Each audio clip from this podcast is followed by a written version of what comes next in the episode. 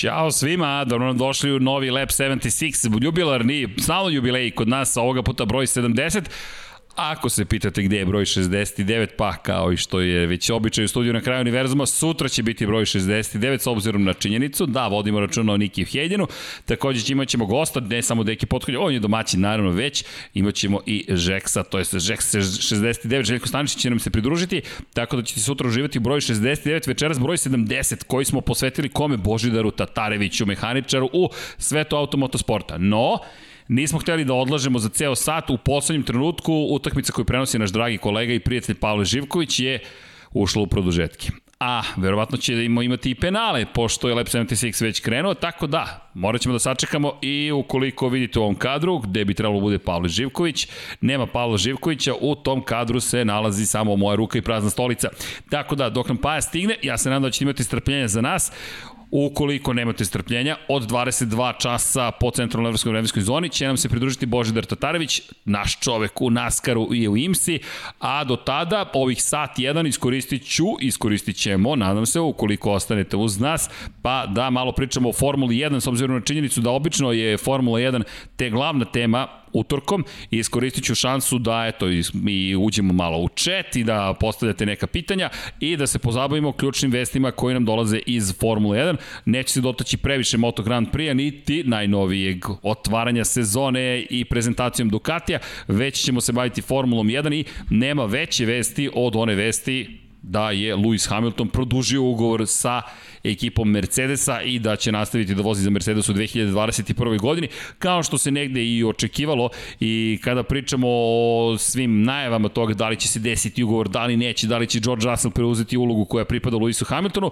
sedmostruki svetski šampion je rekao evo ga potpis, Mercedes je rekao evo ga potpis i prema onome što smo mogli da čujemo, Reč je o nečemu što je već dogovoreno početkom sezone, samo je bilo pitanje da se reše neke, pa možemo reći ne sporne situacije, ali ključne stvari u kontekstu toga kako dalje. E sad, kada govorimo o vestima, verujem da veće nema i iz toga, svi ljubitelji Mercedesa i Formula 1, to jest Lewisa Hamiltona, verujem da će biti zadovoljni. Ukoliko imate nekako pitanja, tu smo naravno. Šta znači taj konkretno ugovor?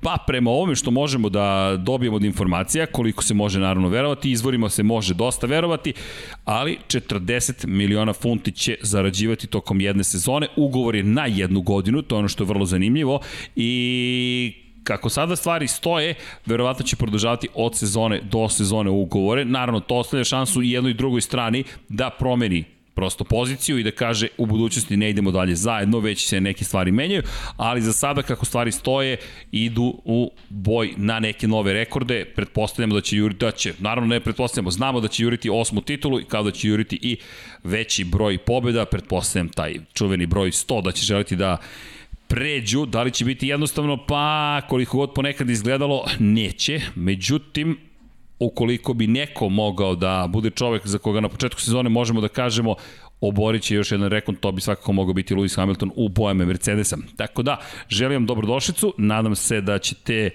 biti sa nama do daljnjeg. Dakle, ugovor je potpisan, postoji klauzula koja govori da može da se produži za još jednu sezonu, takozvani ugovor koji je lakše ispregovarati za nastavak saradnje, ali činjenica je da je Hamilton zasigurno u Formuli 1 u 2021. Što mene, moram priznati, raduje. Zašto? Pa već su postavili jednu, jednu ozbiljnu, možemo reći, pa kako da se pravilno izrazim, hajde da kažemo, postavili su, kako se to zove, u skoku s motkom. Šipku, prečku, nije? Lestvicu, bravo Vanja, lestvicu su postavili vrlo visoko, danas sam nešto, nisam u formi, ne, ne zameriti, ali imam murlu kod Superbola 55, još uvek traje, činjenice da, nadam se da ste uživali ko voli NFL, nadam se da se, da se dopalo kako smo radili prenos ove sezone, spojili smo studio na kraju univerzuma i sport klub i napravili nešto što do sada nismo radili, makar ne na ovim prostorima, nadam se da mi bi bilo zabavno. Sledeće godine, ko zna šta ćemo među vremenu uraditi, plan je da imamo i social media desk, takozvani 100, gde ćete moći da se dopisujete sa nama, mi to prenosimo komentatorima u kabini i onda napravimo još nešto, rekao bih, uzbudljivije, da se ne izražavam drugačije. No, činjenica je da lestvica visoko postavljena, Hamiltona imati u Mercedesu, e to mislim da je pravi pravi izazov i za Ferrari, i za Charles Leclerc samim tim, naravno i za Carlosa Sainca, kao i za Red Bull, to je Max Verstappena i Serhije Pereza, novu pridušlicu, a možemo slobodno reći za Valterija Bottasa, klubskog kolegu u Mercedesu, Luisa Hamiltona. Zašto? Pa da Hamilton nije produžio ugovor, koliko god da verujem da bi im veće šanse bile da osvoje titulu, da li želite da osvojite titulu kada najboljeg nema, kada branite titule nema, ili želite da osvojite titule u direktnom duelu, da se okrenem do nekli i na Moto Grand Prix, švedski šampion iz prethodne sezone Joan Mir rekao je želim na stazi da bude Mark Marquez kada osvajem titulu, vidjet ćemo da li će se to desiti ove godine, ukoliko i kako može da se oporavi u potpunosti Marquez, ceni da će to biti 2022. ali bez obzira na sve, činjenica je da Marquez ove godine ne verujem da će biti u najboljoj formi, što opet ne znači da ukoliko zaista može da se oporavi, da neće moći da se bori za titulu. Tako da, Lewis Hamilton ostaje u 2021. godini u Formuli 1, Mercedes u standardnoj postavi, možemo slobodno reći, i sada je vreme polako da uđemo u tu u taj period godine kada se predstavljaju bolidi, motocikli, kada se pripremaju testovi, kada ćemo izaći prvi put na stazu sa novim bolidima, videti izmene. Ne, nećemo nužno videti rezultate, to će sakriti timovi, ali do 28. marta sve je manje dana i odbrojavamo i odbrojavamo. U svakom slučaju, to je najveća vest koju smo dobili iz Formule 1. Ima tu još vesti. Evo vidim jedno pitanje kako komentarišemo konkretno izmene u krivini broj 10. Ljudi, srećnije osobe teško da može biti do ajde, trenutno sam sam u studiju, pa ne govorimo ime ljudi koji nisu tu, niti Junkie Baby, niti Deki Potkonjak, niti Pavle Živković, niko od njih nije tu, ali mislim da nema srećnih, hajde da kažem, ljudi od nas, zašto? Pa, kada pričamo o krivini broj 10, pogotovo iz perspektive Moto Grand Prix-a u novijoj istoriji, ali takođe i Formule 1. Rekao bih da neće biti veće radosti do ove. Zašto? Ako pogledate kako izgledala krivina broj 10 u, i u Formuli 1 i u Moto Grand Prix pre tih izmene, jedna prelepa krivina koja i teče, teče, teče, teče, u odnosu na krivinu gde stanete, skrenete levo, pa je opet oštro levo, mislim da dobijamo nešto što će biti uzbudljivo za vozače i što će biti sjajna priprema za onaj završni deo, to je de facto četvrti sektor u Moto Grand Prix, treći u Formuli 1, tako da izmene u krivini broj 10 mislim da su savršene, dobit ćemo oblik koji smo želeli, brzine koje smo želeli, uzbuđenje koje smo želeli i bezbednost koju smo želeli, to je ono što je, rekao bih, najvažnije. Za one koji su u audio podcastu, ako slušaju ovo odloženom snimku, dakle, na audio platformama, veliki pozdrav svakako, ali takođe i napomena da ukoliko želite da skočite odmah na razgovor sa Božem Tatarevićem, pa mi ćemo ciljati da to bude tačno za 50 minuta, to jest u 22 časa po lokalnom vremenu. Trenutno smo u direktnom prenosu, 21 čas je i 10 minuta i eto, krenuli smo. Sve svima vidim ima puno pitanja, a da iskoristim priliku, letvicu, ne lestvicu. Aha, Miršo, Mirso kaže letvicu, ne lestvicu. Tako je, Mirso. ok, letvica. Kako god, hvala. Da vidimo, ima tu pitanja. Samo da vidimo ko je. Nikad bolji podcast, prvo F1, pa onda NASCAR. Pa eto. Opet ostaviše Srke. Nisu me ostavili, ali to smo, nemojte da brinete. Kako komentarišemo modifikacije, to smo već rekli. Srki, da li je po tebi dobro za Formula 1 da se uvedu sprint trke u Monci, Kanadi i Interlagusu? Ne, mislim da nije dobro da se uvedu sprint trke. Mislim da nema potrebe za time. Ukoliko ste već došli na neko mesto, logistika je odrađena. Gotovo da postaje nevažno da li ćete voziti sprint ili punu trku i, u, ili ukoliko sam propustio nešto pa sad govorimo o nečem drugom, rekao bih da i dalje nema potrebe za time. Po tom pitanju Formula 1 ne treba da se menja. Nešto mi pokazuje Vanja, kaži Vanja, šta? Slack da čitam. Dobro, Vanja mi šalje poruke preko Slacka, pa ćemo tako. Da li je po tebi, to smo već odgovorili. Srki, kad će fantasy? Fantasy, Moram priznati da radimo na tome, kada je reč o fantaziju, ako mislite na Formulu 1 konkretno, ne zaboravimo da smo to spominjali pre nekog vremena i da bi trebalo uskoro, nadam se, nadam se da uđemo u realizaciju tog projekta, nije mali projekat, tako da smo ma oprezni uslovno rečeno i po tom pitanju davat ćemo informacije, ali, ali, Potrudit ćemo se da, da, ga, da realizujemo celu tu priču. Inače, nekoliko stvari. Pisali su ljudi vezano za dve teme, to moje omiljene teme postaju i mislim da će beskonačne teme biti i to su majice, majice i majice. Ajde da krenemo od majici koje se tiču Formule Student. Nažalost, greškom nismo poslali kako treba te majice, niti kačkete, vratili su se, evo ih ovde kod nas.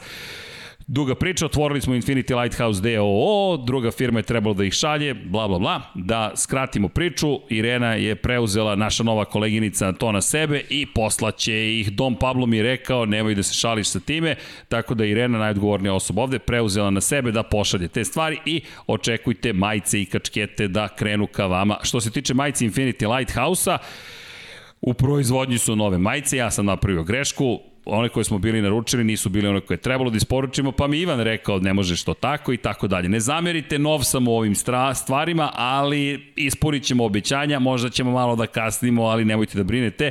I stižu stikeri, pozdrav za Ivana koji je tražio stikere i ostali koji su tražili stikere, tako da znate, evo i Dom Pablo mi se javlja i kaže da u budućnosti budem precizni. Inače, večeras ćemo imati goste, ne smemo da imamo mnogo ljudi u studiju, ali u skladu sa propisima doći će nam čak i gost sa Sicilije, rekao je hoću da vidim vidim studio, pa mi smo otvorili vrata da gospodin iz Italije vidi kako to izgleda na brdovitom Balkanu kada realizujemo podcaste, kada je reč o Formuli 1 i naravno automotosportu, pa i naravno kosmosu. I ne zamerite ako budem pričao još nekim temama, sam sam trenutno, nije trebalo da budem sam, ali eto, tako se desilo. Inače, da najavim za kosmos, 18. februara spuštamo se na Mars, Perseverance je stigao, tako da ćete imati priliku da gledate kako se spuštamo, nadam se uspešno na Mars, a Vanja je takođe ušao u svet kosmosa i danas podelio vesti, inače da je misija Emirata stigla u orbitu, tako da smo stigli do Marsa.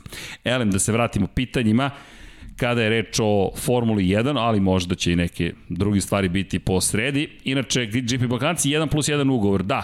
Dakle, kada govorimo o ugovoru 1 plus 1 je u pitanju. Sa osmom titula, evo ludog predviđenja, Hamilton se povlači nakon nove sezone i Max dolazi u mečku, a Cunoda u Red Bull. Nezvilić te. Oh, oh, nisam, ne znam, ne znam, ali pričali smo o tome da bi Hamilton mogao u Formulu E, ne zaboravite. Inače, pozdrav Filipa Đorđevića, našeg dragog prijatelja i kolegu, koji je bio nama u poseti, nadam se da će biti ponovo, kreće uskoro i novo prvenstvo Formule E, tako da to ispratite. Srki, da li da te očekujemo u narednoj sezoni kriza, rizik ili oprez? Mihajlo Stojanović, Mihajlo, ispašću u prvom kolu, bukvalno, moj fokus je toliki na automotosportu, NFL-u, da ukoliko mi postaje pitanje koje prevazilazi granice teh sportova, verujte, ja ću da sedim i da kažem, ne znam, najverovatnije, ali ukoliko vi kažete, onda ću da se pripremam, pripremat ću se bolje. Inače, Srki nikad do sad ni Super Bowl, čestitke Tomu Bredivu, Radivojić, Radivojević. Ne smijem da otvaram priču o NFL-u, tako sam u NFL-u u 99 jardi otvorio priču o Moto Grand Prix-u i ode podcast u potpuno desetu stranu. 47 dana do prve trke, tako je, 47 dana do prve trke, tako da sutra Rosijevci mogu da slave, 46 dana će biti do prve trke, ako se ne varam. Rekao bih da nam je brojanje tačno. Srki, šta misliš priči da Hamilton ima pravo na veto, da li misliš da bi Luis tražio tako nešto, Stefan Jojić? Pa, koliko one informacije koje smo dobili iz Mercedesa i govore upravo tome da nije tražio veto, ali šta mislim o tome? Ljudi, to je sastavni deo istorije Formule 1. Alan Prost kada je potpisao za ekipu Williamsa 1993. godine, imao je klauzulu koja je glasila Ayrton Senna ne sme biti angažovan kao vozač ekipe Williamsa dok ja vozim. Bukvalno, samo jedno ime i prezime je zahtevao da bude u toj klauzuli koje ne sme biti angažovano i to je bio njegov ljuti protivnik Ayrton Senna. Ništa, ništa novo nije u pitanju, gledali smo takve situacije i kod drugih vozača, prosto svako se bori za sebe, ne, ne kažem da je to sportski, ne kažem da je to nešto što me raduje ili da je to pozitivno, ali činjenica je da je u pitanju prosto uh, nešto što je redovno pojava u Formuli 1. Da odgovorim, čao, Dejan Andrić, šta se da se spavim? Pa je trenutno na sport klubu i prenosi futbol. Ljudi, oteli su nam Paju. To uopšte nije okej. Okay. Hajde za hokej nekako, ali trenutno i futbal je počeo da radi, počinju da ga otimaju za druge sportove, ne, ne, to, to, to, morat ćemo da urgiramo. Šalno na stranu stiže u 22.00, kada će nam se pritružiti Boži Tetarović. Razmišljali smo da li da otkažemo u poslednjem trenutku, to je spomerimo za 60 minuta. Dom Pablo, Vanja, Irena, ostatak ekipe je rekao ulazi u podcast i idemo. Tako da, eto, da znate, tu smo. Srki, zbog čega je album dobio kaznu u virtualnoj trci? Prešao je, imao je previše upozorenja za silazak sa staze koliko ja znam i zahvaljujući tome je dobio kaznu. Nažalost, te 3 sekunde su nas negde orobile boljeg duela u završnici, ali prvi je prošao kroz kroz cilj. Poštovanje, šta ima, kakvo očekivanje imate od mladog Šumahira, Antonio Ivković? Pa iskreno mislim da u drugoj polovini sezone možemo očekivati ozbiljne rezultate od Šumahira iz onoga što smo videli, možda je bolje sačekati ajde drugu sezonu, obično u njegovoj karijeri ako pogledate ima neverovatan trend i predvidivost je izuzetno visoka. Prva sezona, to su pristojni rezultati, neću reći nadprosečni, pristojni, dolazi druga godina i u prvom delu sezone korektni rezultati, drugi deo sezone, to su ljudi nadprosečni rezultati, ali tek u drugom delu druge sezone. Tako da verujem da će opet i ove godine druga sezona biti bolja. Mislim da će jednu sezonu ranije sazreti, uslovno rečeno. Sada je pod budnim okom javnosti, nalazi se u Formuli 1, Formula 2, koliko god da je mi poštujemo, volimo i pratimo, nije Formula 1. Koji ti je Dream, team, dream podium u Formula 1 2021. Za mene, auf, koji mi je Dream, dream podium? Ljudi, to su neki outsideri 100% ili ljudi koji predstavljaju uslovno rečeno druge vozače ili dolaznike u svoje ekipe. Sergio Perez svakako da stoji na tom pobjedničkom postolju. George Russell, da. Uuu, znate šta mi bi bio dream podium? Pa to bi bilo fenomenalno. Mick Schumacher, George Russell i uz njih može Carlos Sainz od predstavnika iskusnijih starih. Imam slabost prema Meksikancima, rekao bih.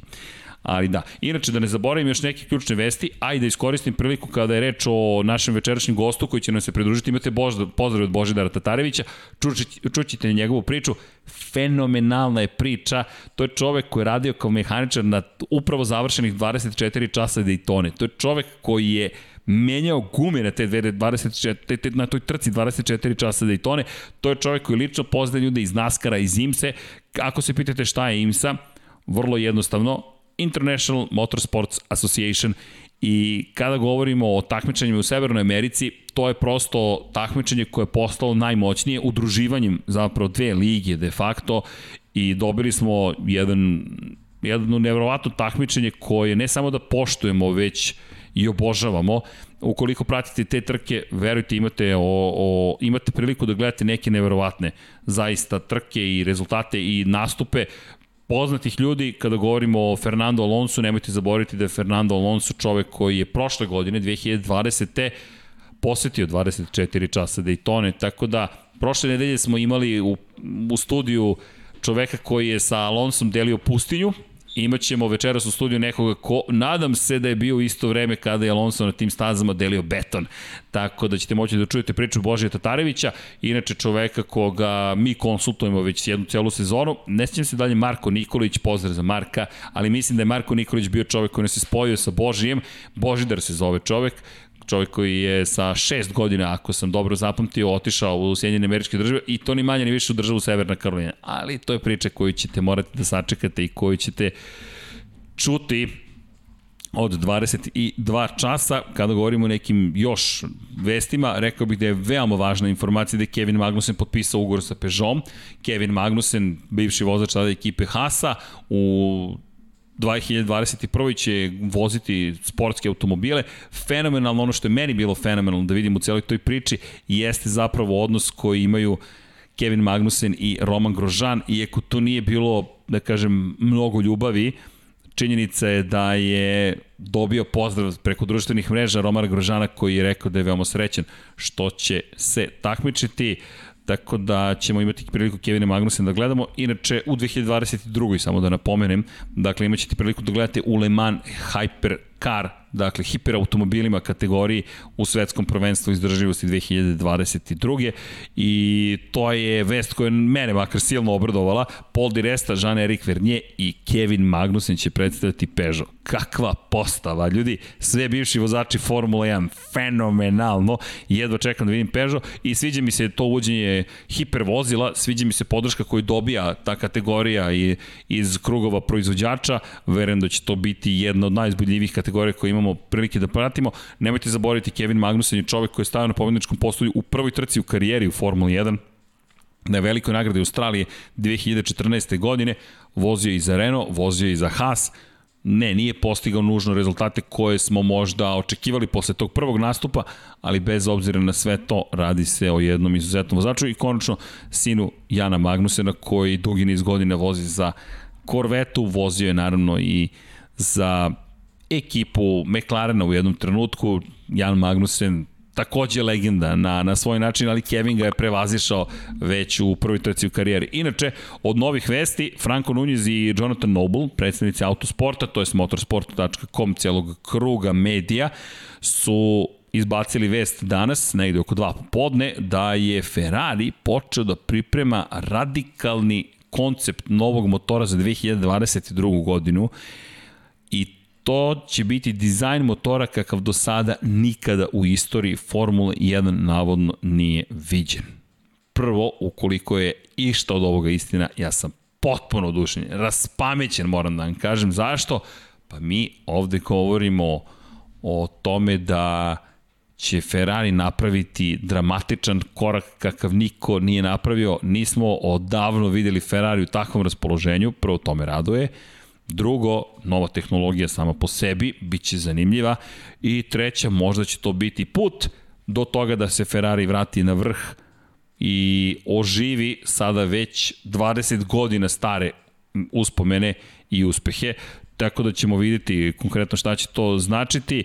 Navodno će ići onim putem koji im je krenuo Mercedes još 2014. godine, odvojit će kompresor i turbinu, Dakle, ukoliko prednji kraj automobila, dakle, govorimo iz neke perspektive bočne, kompresor je napred, turbina je pozadi, gasovi izduvni pokreću turbinu preko osovine na kojoj se nalazi i kompresorna turbina se zapravo komprimuje kiseonik, vazduh, samim tim kiseonik i ubrizgava potom u motor, to jest ne motor, u komore za sagorevanje. Inače imate vrlo zanimljivo rešenje kod Ferrari koje dolazi iz avioindustrije, to je uvedeno pre nekoliko godina, to je patent koji su i spomenuli u Ferrariju, svećica se ne koristi zapravo u glavnoj komori, već imate pred komoru u kojoj se pali 1% goriva i potom to gorivo kroz četiri simetrične rupe se ubrizgava direktno u cilindar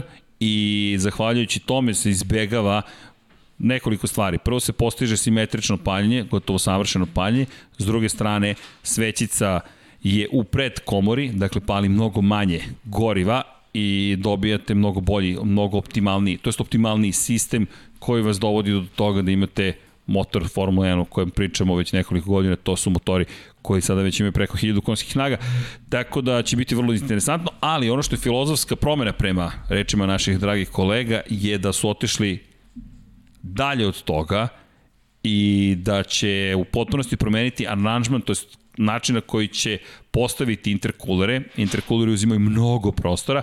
To je taj čuveni kompromis sa bočnim stranama, ulazi vazduh u, kroz bočne usisnike i ne ide, on nije zadužen za komprimovanje za ulazak u sistem za, u sistem za gorivo, već je zadužen za hlađenje, za interkulere i ukoliko ih smanje, a dobiju, to je zadrže, to je povećaju efikasnost, zadrže istu možemo reći, ne mogu reći da kažem efikasnost, ali zadrže isti nivo hlađenja, doći će do toga da mogu zaista da se pogravaju ozbiljno sa aerodinamikom, što bi moglo značajno da napredi Ferrari. I još jedna bitna promena u celoj priči jeste da će kompresor navodno, navodno, uvesti zapravo u usisnik.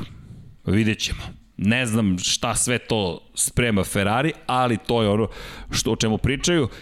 Konačni rezultat bi trebalo da imate mnogo kompaktnije pre svega motor sa unutrašnjim sagorevanjem i kompletan sistem hlađenja, što kažem opet bi moglo da omogući Ferrariju da stvori jedan vrlo, vrlo efikasan i svakako zanimljiv bolid.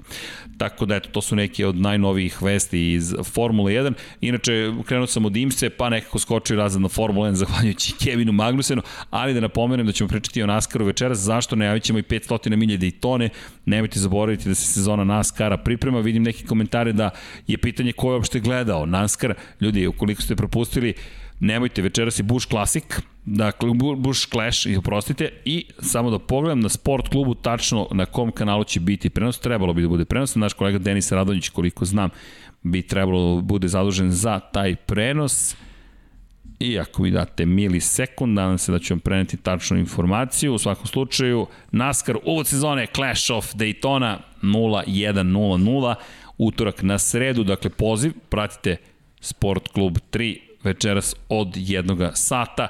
To je bukvalno prva trka, dva dana kasnije idemo u Blue, Blue Green Vacations Duel, ostajemo u Daytoni, inače večeras ćete imati priliku da gledate takozvani drumski, drumsku stazu, klasičnu stazu, sutra, to je preko sutra, prostite, idemo na oval u Daytoni i naravno 500 milja Daytone nam je za dan zaljubljenih planirano 14. februar, bit će bukvalno fenomenalno, tako da jedva čekam, pa eto, nadam se da ćete biti tu sa nama. Inače, da ponovim za one koji su se tek pridružili, od 22 časa, Boži Tatarević, sad ćemo i da, Vanja, oteću malo chat, Boži Tatarević od 22.0, čekamo Pavla da stigne sa prenosa futbala i to ću da pinujem, tako da nadam se da ćete ostati uz nas. Izvinite na kašnjenju. Vanja, vraćam ti posla ovoga chat. Samo da pinujem poruku i da vidim šta sam propustio. Mišljenje u novom Ducatiju, a to ćemo sutra ali crven je, definitivno je crven, ozbiljno je crven, neki novi sponzori, to mi je zanimljivo, ako obratite pažnju, Lenovo je mnogo veći sponsor, što mislim da može biti jasno. Kada smo kod merenja lestvice iz emisije emisiju najbolji primjer daje Lab 76, featuring 99 yardi. Hvala Aleksandre! Koji Dream Team, osam pitanja za sve, koji bi vozač bio bolji, Vettel iz 2013. u bolidu iz 2020. ili Max iz 2020. u bolidu iz 2013. U Valentine, hm, ovo je gotovo nemoguće, mi, mi, nemoguće mišljenje, ali mislim da bi Max iz 2020. bio bolji u bolidu iz 2013. Zašto? Mislim da Vettelu uopšte ne prija ova hibridna era i da se nije prilagodio na adekvatan način na značajno viši obrtni moment i mislim da je reč o klasičnom vozaču koji traži visoke brojeve obrtaja, koji traži neko drugo ponašanje. Bolida i svakako veoma stabilan zadnji kraj, ali čak ni stabilni zadnji kraj i taj high rake moment gde je prednji kraj nisko postavljen, zadnji kraj visoko, koji, koji je Ferrari primenio i pokušao da primeni, mislim da nisu toliko uspešni kao filozofija trkanja, kao što Mercedes pokazuje koji ima potpuno drugačiji pristup u hibridnoj eri, Stoga mislim da bi Max, koji može biti veoma precizan vozač, bio bolji u bolidu iz 2013. Kada je reč, da, Radivojić, Radivojić Srki, znam da je podcast Formula 1, ali desila se velike tragedije, Termas de Rio Hondo se zapalio toku noći velika tragedija. Jeste, pričat ćemo više o tome sutra, ali reč je o ozbiljnoj tragediji. Ono što je dobro i što je ne čini toliko strašnom, nisu izgubljeni ljudski životi. Uvek je to prva stvar o kojoj pričamo, ponekad to ne zanemarimo kada je reč o velikim, malim, kakvim godem ekranima, kao da su to neke figure potpuno nepoznate, kao da su to neki glumci, a ne pravi ljudi, uvek je jedan ljudski život najvažniji, važniji od svega ostalog, ostalo možemo da sagradimo, a ako ne možemo, pa to su neke uspomene, nećemo se držati prošlosti koliko god da će nam biti žao, idemo dalje. Stvorit ćemo neke bolje uspomene, neke nove stvari, ali je velika tragedija svakako u pitanju, ogromni će troškovi biti.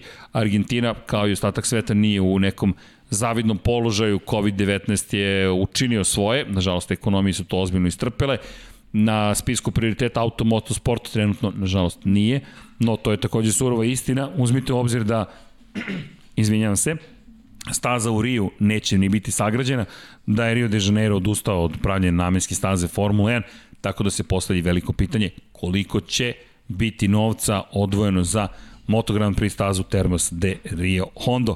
Hoćemo li dobiti kadar iza kulisa? Ne znam da li ćete dobiti kadar iza kulisa, to će morati Vanja, rekao bih da odluči, mada Vanja ovde se šunja nešto namešta u pozadini, ali neće niko da uđe u kadar. Je, Vanja nam je juče bio u ob neob, samo da znate.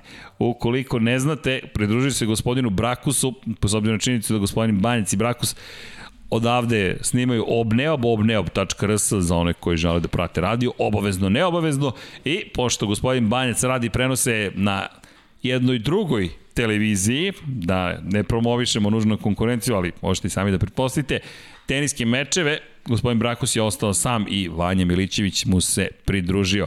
Od kog tima očekujem najveći napredak ove sezone? Od kog tima očekujem najveći napredak ove sezone? To je dobro, to je odlično pitanje, hvala. Najveći napredak očekujemo od Alfa Romeo, iskreno.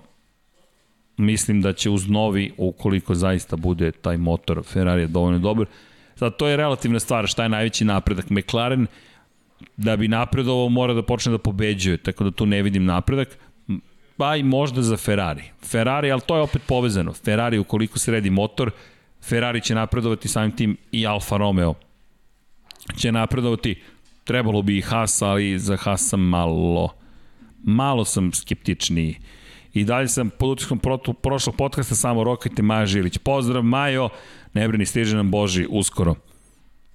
Kolega Plavšić ti se zahvalio u kvizu zato što je zbog tebe iz studija znao pitanje u vezi Moto Prix, kaže David. David je čekamo i neku opipljivu zahvalnicu, bilo bi lepo da vidimo neki, nešto od gospodina Plavšića, ovo je javna prozivka, ali šalno stranu neka, ukoliko smo ga nešto naučili u Moto Grand Prix, to je sjajno. Samo jedan pogled Don Pabla i Srki se sad igre se NFL-a u sekundi vraća na temu F1. Tako je Bosnija Geto, nema šale s Don Pablom, ovde je ozbiljna situacija. Dakle, da vidimo Alonso, Kimi Šumi, mišljenje o Fetelu i Aston Martinu. Mislim da će to biti mnogo moćniji tim nego što sam ja mislio inicijalno. Delovalo mi je kao da je to još jedan polu pokušaj, bukvalno polu pokušaj da se uđe u Formulu 1 i da zapravo nećemo dobiti autentični tim Formula 1 dostojan jednog svetskog šampiona kakav je Sebastian Vettel i obrnuto da neće Sebastian Vettel dobiti tim koji nosi takvo ime dostojan Formula 1, možda nije obrnuto, ali povezano je i ono što do sada smo imali prilike da vidimo, mislim da Aston Martin mnogo, mnogo, mnogo ozbiljniji.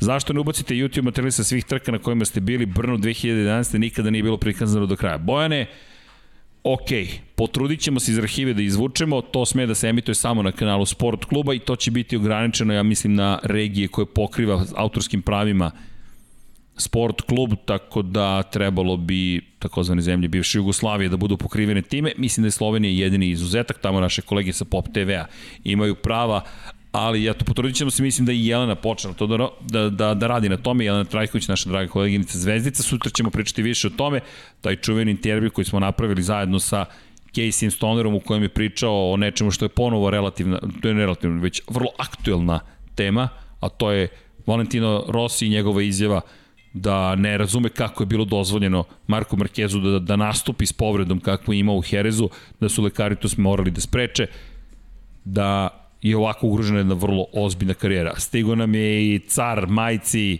na njega će prepatiti odgovornost, šalim se, i merchandise gospodin Ivan Toškov, pozdrav, brat je stigao, pozdrav za brata, evo i brat je stigao, smenjujemo se ovde, a u prostoriji sme da bude tri, tri osobe. U svako slučaj, slučaju, kada je, uh, kažu da je predobar snuker na sport klubu 3. Ništa, pustite u pozadini da se čuje Lab 76, a pratite snuker. Kada je reč, dakle, eto, o Brnu iz 2011. emitovat ćemo, nadam se, u dogovoru sa Zvezdicom i ostatkom ekipe sve. Fenomenalno osjećam se, i mi se fenomenalno osjećamo. Koje je mišljenje Đukica o radikalnim motoru Ferrari 2022? Pa već sam rekao, ja se radujem tome. Mislim da je to pozitivno, da nam je neophodno u krajnjem slučaju da vidimo Ferrari kako zaista pokušava nešto potpuno, potpuno novo.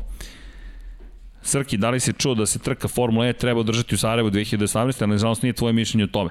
Pa znate kako, Formula E to vam je sada pitanje tajminga, pitanje vam je mnogih stvari, pitanje je politike, pitanje je sponzora. Kada kažem politike, ne mislim neku globalnu politiku, mislim na lokalnu politiku u kontekstu toga da grad mora da ispuni uslove koje traži od njega Formula E, to je takođe bitno iz perspektive sponzora koliko je zanimljivo sponzorima da dođu u određeni grad.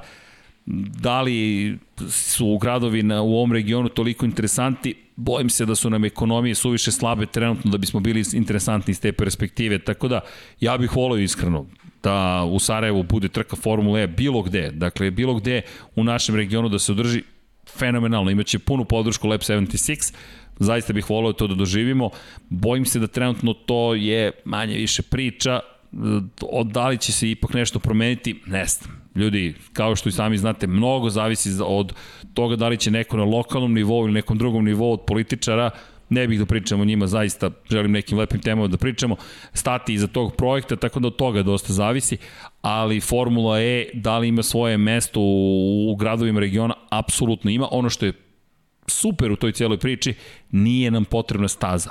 Nije nam potrebna staza. Da, potrebne su ozbiljne pripreme, veoma kvalitetan asfalt, ozbiljne pripreme po pitanju šahtova, na primjer, da budu Ako pogledate, Monako ima greške sa šahtovima. Ne zavare ih na adekvatan način, pa bolid Formula 1 počupa šaht i to postaje projektil koji je veoma opasan. Tako da, treba pripremiti tu stazu, volao bih da se to desi, nažalost, trenutno sam skeptičan, negdje je pozitivno, ne pozitivno, super pozitivno, što je Zagreb zajedno sa Hrvatskom, to je Hrvatska zajedno sa Zagrebom dobio, dobila organizaciju relija u okviru svetskog prvenstva u reliju, tako da to negde daje nade da ćemo vidjeti neke druge stvari pitanje Ferrari, ljudi, da li neko zna kako funkcioniše za majice, da li se čeka nedelju pa da se sve poruče pa onda šalju, jer sam poručio pa nedelja, niko mi ništa nije javio. Luka Vujović, to rešavamo upravo, evo, Ivan me mrko gleda, ja sam napravio grešku, izvinjavam se, u poručivanju majica, Ja sam amater u tome i onda Ivan rekao to se tako ne radi i onda sam nas koštao jedno dve, tri nedelje, tako da trebalo bi dobiti poruke svi da šta se događa sa majicama, ja se nadam u narednih 48 časova,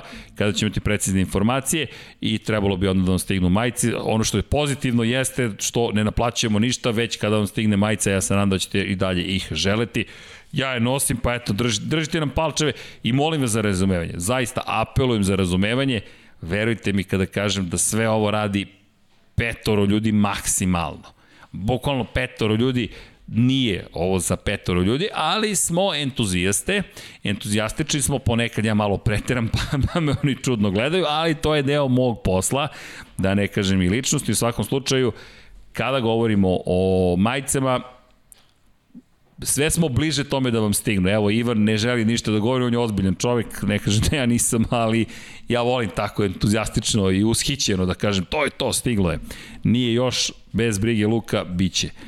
Da, i kada govorimo o radikalni koncept, to smo pričali Formule 1, Ukoliko, da, sad skepsa, Boško, ukoliko nešto bude dobro da će Mercedes ih prijaviti, čujte, garantovano će svi prijaviti Ferrari ukoliko budu pobeđivali, to je deo takođe Formula 1, nije to ništa lično.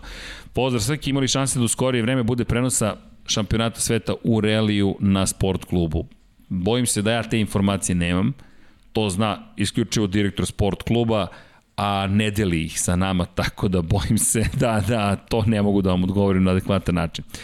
Mišljenje za specifikaciju, da, Srki, kada će Zoran Živko, poželao se se priče iz padoka F1 GP Balkanci. Trebalo bi naredne nedelje da bude sa nama, još ne mogu da vam potvrdim, ali radimo na tome da bude sledeće nedelje, kao što ove nedelje čekamo Božija Tatarića, ne čekamo Božija, Božija je spreman, čekamo Paju Živkovića koji je eto dobio situaciju u kojoj Da, gledam, monitor mi je preseljen sad na levu stranu, pa nisam siguran da li vidite Pajinu stolicu ili ne, ali evo, dobili smo stolicu, to sad zamislite da je Paja negde i da mi komentarišemo, ali stiže Paja, za nekih 20 minuta će biti sa nama. I ne zamerite na ovome, ali kažem, razumite, ekipa pokušava da bude u isto vreme i na sport klubu i u Lab 76, sve smo lepo isplanirali, ali smo zaboravili da mogu da se dese produžeci. Da li mislite da McLaren može bar donekle da ugrozi Red Bull sledeće sezone? Bogdane, bojim se da će to biti gotovo nemoguće mislija. Mislim da McLarenu treba ta promjena pravila 2022. ali čujte, ko zna McLaren Mercedes pod Andresom Zajdlom kako može da izgleda u rukama Landa Norrisa, pa tek od drugoj polovine sezone Daniela Ricarda, ko zna, zaista volio bih da tako nešto bude moguće. Mišljenje o Ducatiju, to sam već negde izneo. Inače, kada je gost Željko, Željko, Željko, Željko je sutra gost u broju 69. Hoće li biti majice 99 yardi? Hoće. Da li mislite da McLaren može do prve pobede od 2012. ove sezone? Mislim da može ali u specifičnim okolnostima. Kiša, vanredna situacija, mislim da su dovoljno sada spremni i sposobni da iskoriste situaciju. Mislim da će se svesti na to da zapravo i Red Bull i Mercedes naprave greške da bi do toga došli. Imate četiri ozbiljna vozača koji žele pobedu i dodajte na to Ferrari koji čini se da je radio dovoljno dobar posao da, da bude u prilici da se ponovo bori za plasna na pobednička postoje, tako da Može, ali biće potrebno, biće potrebno sreće. Šta kažem za Brady-a? A šta mogu da kažem? Čovjek je osvojio titulu sa potpuno drugom ekipom, nevjerojatan čovjek. Tako nešto ja ne znam da smo doživjeli u modernom sportu, u istoriji sporta dešavale su se neke nevjerojatne stvari, ali u modernom sportu koji je toliko zahtevan posto gde je to profesionalizam 0 do 24, 24 kroz 7, nisam siguran da ćemo vidjeti još nekoga da pa, pa evo potrebno mi je sada da krenete 20 godina da biste došli do toga. Ja ću tada imati 65, tako da ne znam da li ću, da li ću imati vremena baš da doživim tako nešto. Nadam se. Koliko vremenski treba od sport kluba do studija na kraju univerzuma? Pa zavisi ko vas vozi, od 15 minuta do pola sata otprilike. Srki, kako komentarišete Fetalovu frizuru, malo liči na tebe. Hvala. Pretpostavljam da treba da kažem hvala, ali pa znate kako komentarišem? To je genetika u kombinaciji sa ličnom kartom. Prosto šta da radite? Nadam se da Nadam se da se samo moj lepšoj polovini dopada moja frizura, to je sve što mogu da kažem, sve ostalo manje, više ljudi. Nije bitno, meni ne smeta, to je to. Vehid Višća, kaže Vettel, po meni Dark Horse ove godine, vrlo, vrlo, vrlo moguće. E, šta kažeš Srki o tome da je 400 miliona ljudi, 403 miliona ljudi gledalo dva, e, sezonu 2020. Hungaroring je u direktnom prenosu gledalo 103 miliona, F1 je čak za 99% da poboljšala se na društvenim mrežama. Pa znate kako, to je, što se tiče društvenih mreža, društvene mreže, odličan rezultat svakako, ono što treba uzeti obzir da su društvene mreže bile dosta loše za Formula 1 do pre nekoliko godina, pa ti procentalni skokovi nisu uvek jedino merodavni, ali je to fenomenalan rezultat. Šta mislim o tome da je bila tako visok, velika gledanost? Ja sam srećan. Ono što ne mogu da vam kažem jeste kada je reč o sport klubu, to zna samo naš direktor, ali ja negde verujem da smo povećali gledanost i to mi je sada negde, ne mogu da kažem ironija, ali to mi je situacija kada je reč o COVID-19 u kojoj se nalazimo, s jedne strane prazne tribine, s druge strane svi ti ljudi koji nisu na tribinama su pred televizorima uglavnom, pored toga, zahvaljujući činjenici da mnogo više ljudi sedi pred malim ekranima, Formula 1 dobija priliku da dođe do većeg broja gledalaca, uz dobar rad ekipe na društvenim mrežama Formula 1, sve to dovodi do toga da bude povećana gledanost. Rekao bih još jedan faktor da je bio veoma važan, a to je Netflix i serija Drive to Survive. To mi je tipičan primjer jedne kvalitetne marketinške kampanje. Možemo da pričamo o tome da je to dokumentarni film, nije. To je klasična marketinška kampanja zasnovana na dokumentarnim kadrovima. I to je ono što je fenomenalno urađeno i ispričane su priče. Jedna od osnovnih stvari u marketingu, marketing je inače komunikacija. Pre svega komunikacija, i baš smo pričali nedavno neko predavanje smo imali u marketingu, New York Times je svojevremeno rekao da, to je pred 3-4 godine, da je marketing zapravo tako dobro ispričana priča od koje ljudi pogube svoje novčanike. Bukvalno. I to je Formula 1 uradila. Ispričala je prelepe priče. Priče koje nam nedostaju. Zašto je Formula 1 doživela pad u interesovanju publike? Izgubili smo priče. To je ono što Moto Grand Prix je dobio. Dobio je neverovatne priče, adrenalinske priče, gde vi u 40 i nešto minuta dobijete priču i priču i priču i priču, ko je koga pretekao, ko je kome šta uradio, ko se voli, ko se ne voli, ko će pobediti, nemamo pojma. To je kao savršeni thriller, kao savršeni krimi roman, čekate poslednji krug, poslednju krivinu i onda okrećete poslednji list i kažete dobro, ko je više ovde ubica u ovom krimi romanu i onda saznate ko je pobednik u Moto Grand Prix. To su vam priče, gotovo da se same pričaju. S druge strane, Formula 1 je uvijek imala kompleksnije priče. Uvijek imala priče koje su tražile dobar uvod, dobru razvodu. Možda se i ubica zna ranije ili saznate, ali nekako sve to ide u duhu tog tipa romana, tako da me raduju ti podaci uz promene koje nas čekaju 2022. možda će stvari biti još bolje, ali čujte konačno Lab 76, ja, mi smo mnogo srećni, ja govorimo i Pajno ime koji još nije stigao, što uopšte radimo Lab 76 i što smo dobili priliku, sami sebi stvorili priliku da mi ispričamo priče o Formula 1 koje su pomalo zaboravljene, nekako kao da je moderna Formula 1 ne budi tu vrstu emocija, a mislimo da, da, da to nije baš tako, da ima svoje emocije, ima svoju priču, pa eto, nadam se da je to pozitivno. GP Balkanci, pozdrav. Kada izlazi treća sezona, ne znam ljudi, ali uskoro bi trebalo da izađe treća sezona, a Vanja se šali sa mnom. Vanja, ti se šališ, a Vanji se popravio smisao za humor. Dakle, Vanja, Vanja, Vanja. Pa šta je ovo, Vanja? Ne razumem. Vrati, vrati kadar. Čekaj, hoćeš da skinem slušalice? Evo. Evo, sad stavi paralelni kadar. Kad si već tražio produkciju, ja, dobro, hvala ti. Da li je F1 bolja od kad je vodi Bernie Eccleston i Liberty Media? Pa znate šta, neke stvari Liberty Media uradila mnogo bolje. Iz, ja sam im zahvalan. Kada imam slobodno vreme i kada, na YouTube kanalu šta mogu da pogledam zvaničnom Formula 1. Ljudi, to je riznica koju je Berni držao pod ključem i koju ste mogli da otvorite samo ako platite mnogo novca. Okej, okay razumem i njegov stav da je on tu da stvara prihode upravnom odboru i vlasnicima, shareholderima takozvanim. Ali čujte, ako nema nas, ljubitelja Formula 1, ako nema publike, nema ni Formula 1, ono što je Berni zaboravio, rekao bih, jesu emocije. Super, Uber kapitalizam, bla, bla, bla. Ali Uber kapitalizam maši poentu. Ukoliko nema, može da cedi do daljnjeg. U jednom momentu neće imati više šta da cedi. Mi ćemo emotivno odustati, I ako nema emocija, nema ni para. Baš me briga onda. E to je ono što mislim da je Liberty dobro uradila. Vratila nam je mogućnost da vidimo Senu, Schumachera, Mensela, Prosta, da gledamo neke scene koje nismo ni videli. I kadar koji su pustili na f1.com na Twitteru, gde Eddie Irvine po kiši vozi između redara u Spa Francorchamps na velikoj nagradi Belgije 1998. godine, kada je Vanja imao jednu godinu, je nešto što nikada do sada nismo videli. Ljudi, mi smo čekali 23 godine da nam puste kadar koji danas izgleda kao da Edija Irvane treba uhapsiti, oduzeti mu super licencu i zabraniti ulazak u padok. Tako izgleda taj kadar. Toliko opasno izgleda iz Formule 1 2020. to je 21. Gde su redari na par milimetara u punom gasu, on prolazi po kiši pored njih, oni mu mašu najnormalnije, ajmo Edi u Ferrariju, prolazi, prolazi, prolazi, prolazi, mi čistimo stazu.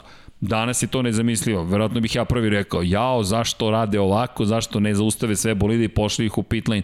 Ali to je bila 1998. To je tada bilo sasvim normalno. Mi taj kadar nikada nismo videli. Tako da je Liberty Media dala uvidu u jednu riznicu videa, ne samo videa, audija, fotografija koje je Berni držao strogo zaključano i iz te perspektive radila mnogo, mnogo, mnogo, mnogo bolji posao. Šta je problem u tom sistemu, to je neka vrsta demokratičnog sistema, gde liberalizujete stvari, pa nemate jednu osobu koja će brzo iseći. Bernie, ako je nešto bio, Bernie bio efikasan. Aha, to nije tako kako sam zamislio. Fuć, sekira, gotovo, kraj. Raskinut ugovor, promenjena odluka, idemo dalje. I to ima svoje prednosti, što bi neke krizne situacije, verujem, mnogo bolje rešio. Ali, kažem, sve ima svoje. Ono što mi se dopada kod Libertija jeste upravo upravo ovo. Da li mogu da prokomentarišem situaciju oko vlasništa Mercedes AMG-a?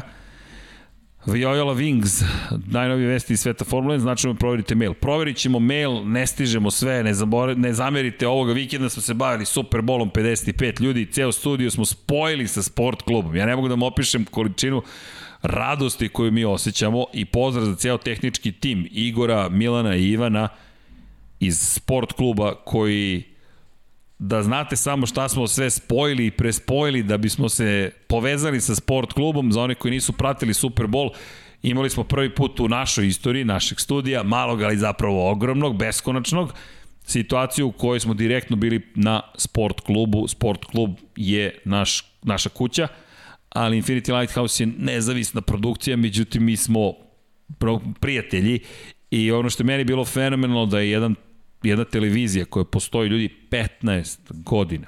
Samo da znate, sport klub je proslavio 15 godina. Ko nije bio na sport klubu, nadam se da će imati priliku da dođe.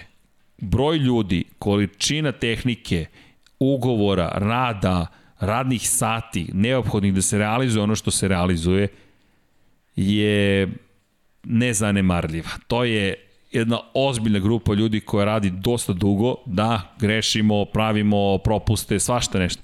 Ali verujte, malo koja televizija na svetu može da se pohvali time da ima Formulu 1, Moto Grand Prix, NASCAR, NFL, NHL, KHL, da samo spomene sportove koje pokriva nekolicina nas, a da dodamo i Euroligu, da dodamo i futbol, da dodamo tenis, ne znam da li postoji takva televizija. I onda kada pogledate tehniku iza svega toga, koja radi 4K realizaciju, i onda se ta televizija odluči da kaže, ok, spajamo se sa vašim studijom, to jest dozvolit ćemo da se emituje, pa ne možete da ne budete srećni, još to ispadne super, još nam dođe naš prijatelj Gordon Kičić. Tako da, eto, silno smo se zabavili. I da, Da li vi prenosite Virtual Formula 1, zašto meni prenosi neki drugi komentator? Mateo Lovrić. A, Mateo, ne znam gde živite i koje vam je, aha, iz BiH. Znate kako, to je pitanje za kablovske operatere, ne znam ko čuje šta, činjenica je, Vanja mi nešto pokazuje, izvinite, da pogledam ka TV-u. Boži nam se pridružuje.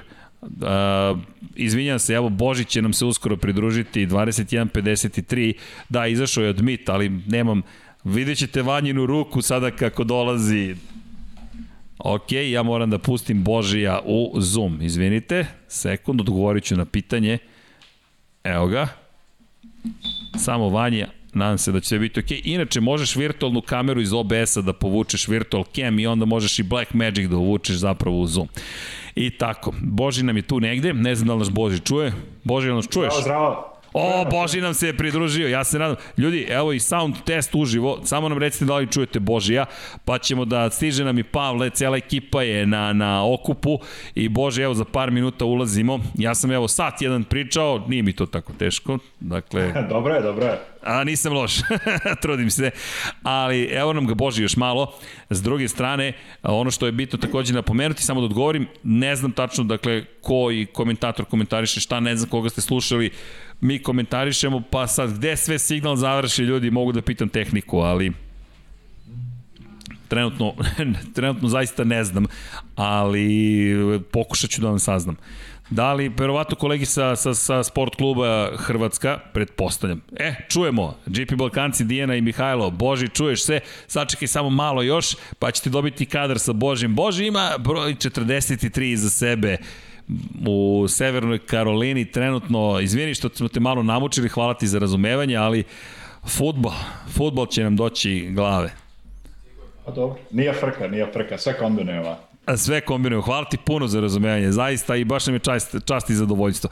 U svakom slučaju, e, imamo ovde još neka pitanja, pa ću odgovoriti pre nego što dođe Pavle. Zamisli da se održi trka Formula 1 i MotoGP na grobniku u Hrvatskoj, od kojeg bi to značaj bilo za razvoj motorsporta na našim prostorima Valentine. Valentine, pa svi bismo popadali u nesvest, tako da biste ostali bez komentatora na sport klubu za početak, ali šalu na stranu, to bi bilo fenomenalno. Nekada davno, pre 30 godina, 20 i, sam, nisam, pre 30 godina, 31. to se i dešavalo, velika nagrada Jugoslavije je to bila. Šta da vam kažem, da prošlo dosta vremena, ali kao što je VRC stigao, ajmo da držimo palčeve da, da, da, da se pojavi Formula 1, da se pojavi Moto Grand Prix, da se pojavi jednog dana Pavle Živković, to bi bilo fenomenalno. Šalim se, evo stigao nam je Paja, Srli Pajče majicu ima. Srli Pajče. To vam je majica iz kafane, ali eto, nadam se da ste se zabavili. Inače, Da li možemo da se potpišu, čekajte, da li majice mogu da budu potpisane od strane domaćina Paja, Deki i Srki pri naručivanju. Aleksandar Branković.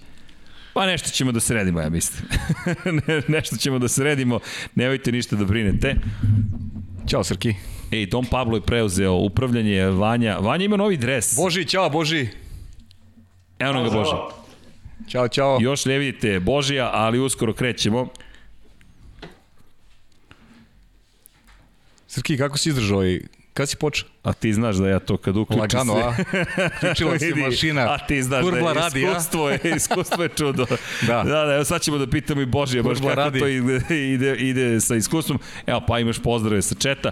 Vanja, Hvala imaš inače u ja ću možda nestati iz kadra na kratko, dok svi pozdravite, imam jednu, imaš virtualnu kameru, Start Virtual Cam i onda možeš da ubaciš u Zoom kao izvor, ne moraš samo da koristiš ovu jednu kameru. Eto.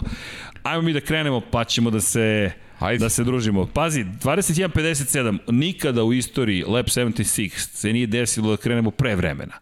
Tako da je, mislim da ovo istorijski moment i da je Boži zadužen za to što nećemo krenuti 22.00, već 21.58. Dame i gospodo, da ne dužim, gospodin Boži Tatarević, zapravo Božidar Tatarević, i čovek koga, nekako nismo te usvojili, Marko Nikolić, naš član zajednice, prijatelj, kolega na neki način, je rekao što ne zapratite Božija na Twitteru, to je čovek našeg porekla koji radi u IMSI, u NASCAR-u, Biće dobro, mi od toga, od, od tog momenta te ne puštamo, gnjavimo te za svaki vikend Naskara i drago nam je da te čujemo i želimo da čujemo tvoju priču. Da krenemo od početka.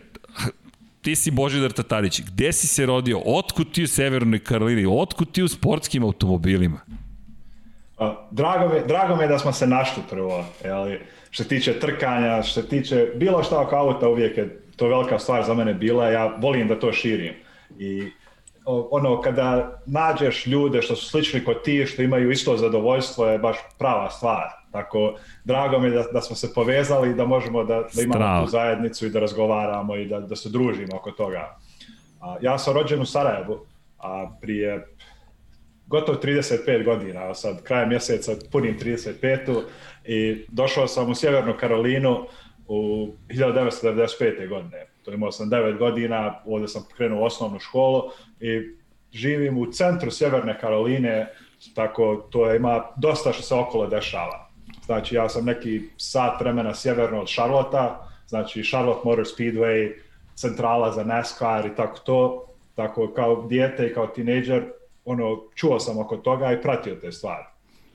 I uvijek sam bio zainteresovan što tiče auta, ne možda samo oko trkanja, već generalno auta i mijenjanje dijelova i napucavanje, ono malo brže, malo ljepše, tako i, i kad sam dobio vozačku dozvolu kod tinejdžer, to više sam dublje imao taj interes, a to dosta dolazi od mog oca, jer osjećam se čak kao malo dijete u Bosni, bivšoj Jugoslaviji, on je uvijek imao neka auta i uvijek je nešto malo radio, bio to neki Fičo ili imao jedan Renault četvorku jedno, imao to se sjećam dobro. Što Pazi, Renault četvorka, da, to da. je fenomenalno. Da, da, tako uvijek sam imao vezu za to. I kao tinejdžer ovde sam uzimao auta koja sam napucavao, sređivao tamo vamo i kroz to sam upoznao ljude koji su se trkali, amaterske trke i tako to i počeo da učim kako da radim amortizaciju, kako neke stvari da mijenjam, ono, imao sam veliki interes za toga. Ali čekaj, izvini, Severna Karolina, kada si dolazio u Severnu Karolinu, ili si imao ikakvu predstavu, stižeš u neki šas, stižeš negde u Severna Karolina, Severna, Južna, to je istočna obala Sjedinih američkih država, jesu da. ti bili uopšte automobili u, u glavi, nekako, znaš, završiš u, zapravo u, kod kuće Naskara i nekih ozbiljnih trka. Vidiš što, ne, nije mu uopšte bilo na mislima tada, to, mislim, kao dijete, ja što se tiče trkanja, možda sam, što se mogu sjetiti malo kao dijete tamo, sam možda koju Formula jednu trku pratio, ono, imao sam poznanstvo šta je bolid i tako to, ali nisam ništa duboko znao. I kad sam došao u Sjevernu Karolinu, nisam uopšte poznao da NASCAR postoji, da ima to ta istorija trkanja tu u okolini. I onda, ono, tek sam, kako sam počeo da odrastam i upoznam okolo i da vidim oznake i to, recimo, Vuskova Poster 43. Znači, ja sad trenutno gdje sjedim je neki 25 minuta vožnje do ovaj Perry's Garage, do njihove radionce. Znači, to je, ono, bukvalno sam baš tu bio toj okolini i tek sam, ono, poslije nekoliko godina to upoznao sve i počeo da viđam gdje sam i šta sam i o čemu se radi. Jedno pitanje za tebe.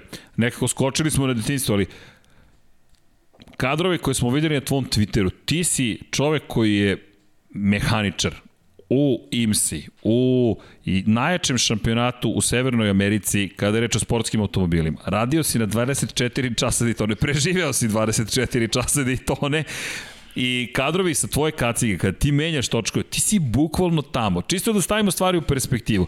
Ti sada pričaš sa nama najnormalnije, časkamo, družimo se, ali ti si do pre koliko, dve nedelje bio u Daytoni i radio jedno od najvećih trka koju Daytona vidi godišnje. Posle 500 milija Daytona i druge NASCAR trke u Daytoni, to je možda treća najveća trka koju Daytona vidi i ti sad oćaskaš sa nama, čisto da, da, da budemo nekako svesni. Ti si bukvalno mehaničar koji ima uvid u taj svet, a pritom se družiš sa ljudima iz Naskara, najnormalnije, kao što pa i ja pijemo kafu, tako ti sa njima piješ kafu i družiš se. Pa dobro, to je, mislim, mene to uvijek interesovalo i imam, imam take sreće da, da sam uspio da upoznam te ljude i da, da imam te prilike da radim kao mehančar u IMSA da, i da radim tokom ti trka kao 24 sata Rolex, a isto tako kroz moje medijske poslove gdje pišem za neke časopise, gdje radim neke video snimke i tako to, sam imao priliku da upoznam u NASCAR-u i drugim, drugim vrstama trkanja i štiće i drugi pogled auta ljude, zato što smo radili neke, onaj, sklapali neke video, sklapali neke zapise ili tako to? I ono, ja sam nekako sam našao kombinaciju da to sve sklopim da da, da uspijem da, da svugdje pomalo da učestvujem i, i da radim nešto što me interesuje i što je zabavno. E, Boži, pišu ljudi ovde, već ima mnogo pitanja za tebe. Znaš da su te gledali mnogi u 24 sata Daytone, zapazili su da si spavao u jednom momentu i, da, da. i pitaju te e, da li te te dremke pomožu da budeš svežiji u finišu trke i da li je tačno da mehaničarima popušta koncentracija baš u finišu trke, postoji najumorniji i da li zbog toga možda onako praktikuješ da malo odremaš a, tokom trke i da budeš omoran za ono što se dešava u finišu? Da, da. So, da, kada trka se dešava, ako, ako si mehaničar i ako mijenjaš gume ili radiš bilo šta na auto, moraš imat, biti spreman da budeš budan 36 do 40 sati, jer trka ne počinje kad, kad padne zastavica u 3.40 poslije podne, već nama počinje trka ujutro u 7 ili 8, zato što moramo doći da pripremimo sve, pripremimo alat, tehnički pregled i tako to, tako već već odradiš 7-8 sati prije što uopšte počne trka. E, kada trka počne, od iskustva od prijatelja koji dugo ovo rade, kažu, kažu da kada završiš pit stop jedan, jedno mijenjanje guma, odmah poslije toga trebaš da radiš jedno od tri stvari. Da, da jedeš, da spavaš ili da ideš u WC. Jer ne znaš kada ćeš imati sljedeću priliku to da radiš. A ako uspiješ da odspavaš u malim komadima, to ti sačuva energije za poslije tokom noći. I tako je kod mene bilo. Ja sam, mi smo radili 22 ili 3 pit stops, znači 22 ili 3 puta preko zida nosi gume, montiraj, sipaj gorivo, to sve. I to je svaki, za, u ovoj klasi gdje smo mi GT3, GTD, to, to se dešava svaki 45 do 50 minuta. Znači kad završiš jedno mijenjanje guma, imaš 45 minuta možda do sljedećeg mijenja ako se ništa drugo ne desi. Ali ako ima žuta zastavica ili nešto tako što ono, strategija hoće da se iskoristi može biti ranije. Tako odmah ideš nazad u stolicu i ležaj, lezi odmah, treba ti jedno 10 minuta da da padne ti adrenalin i otkucaj srca, da se smiriš, da možeš da odmoriš i onda možeš da spavaš 15 ili 20 minuta i onda te bude opet, da budeš spreman možda pet krugova prije onaj, nego što auto stigne, da budeš na zidu, a u slučaju da doće malo ranije da krenu. I tako, ja sam bio budan 44 sata, znači od subote ujutru do ponedeljka ujutru, to je, dio je do mene, zašto sam otišao s kolegama, otišli smo u kafanu malo poslije, tak, poslije trke, ali, ali inače bi bio budan blizu 40 sati.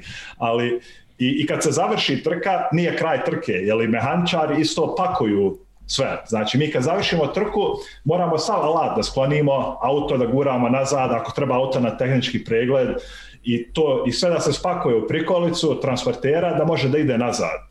I tako uvijek je to dug dan i svaki moment što imaš za odmor ili za jelo trebaš da iskoristiš. Mhm. A kaži Boži, za, za koji tim si radio sada na 24 časa Daytona i kako si uopšte ušao u taj svet? Vratit ćemo te još malo nazad. Kako je došlo do toga da, da imaš kontakte sa NASCARom, da, da budeš deo ovakvog spektakla kao što je recimo 24 časa Daytona?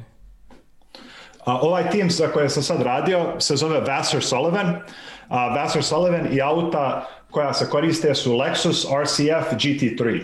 To auto se trka u Americi, u Evropi i u Aziji isto. To je Lexus RCF GT3, a, to je on je a, GT3 auto koje ima 5,4 litra V8 motor i ono po toj klasi je napravljen. I trka se protiv drugi ovaj, GT3 auta kao Audi, Ferrari, Porsche ima razni. E, ja sam uletio u ovaj tim malo kroz sreću, malo kroz iskustvo.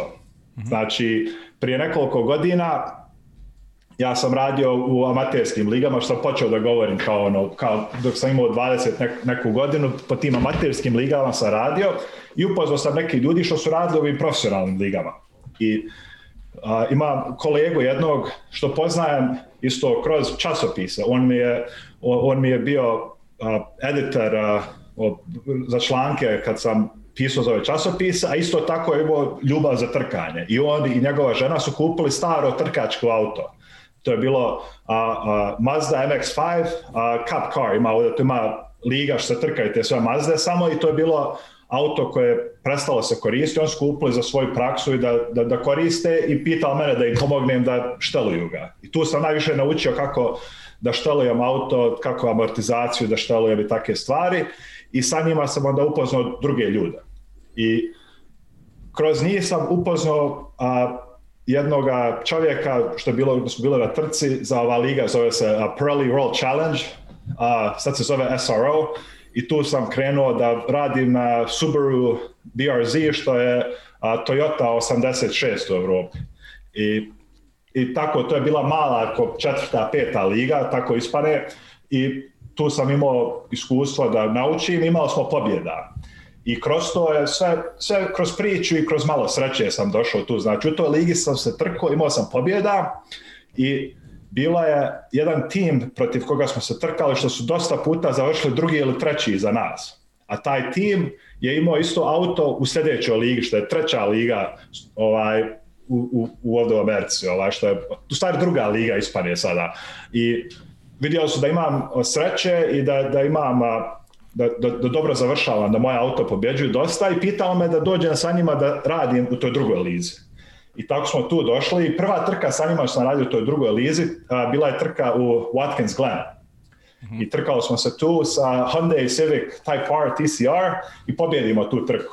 Ja sam bio ono, sa njima tu mehančar prva trka i super bilo iskustvo. I meni dobro došlo, njima dobro došlo i svi smo bili ono zadovoljni. I Poslije toga malo su ljudi počeli da me zovu, ono neki koji su bili zainteresovani da dođem da sa njima radim. I to malo sam pokazao sa tim pobjedama i podijuma i tako to i to me uvelo dalje da radim svoj TCR. To je sve do prošle godine.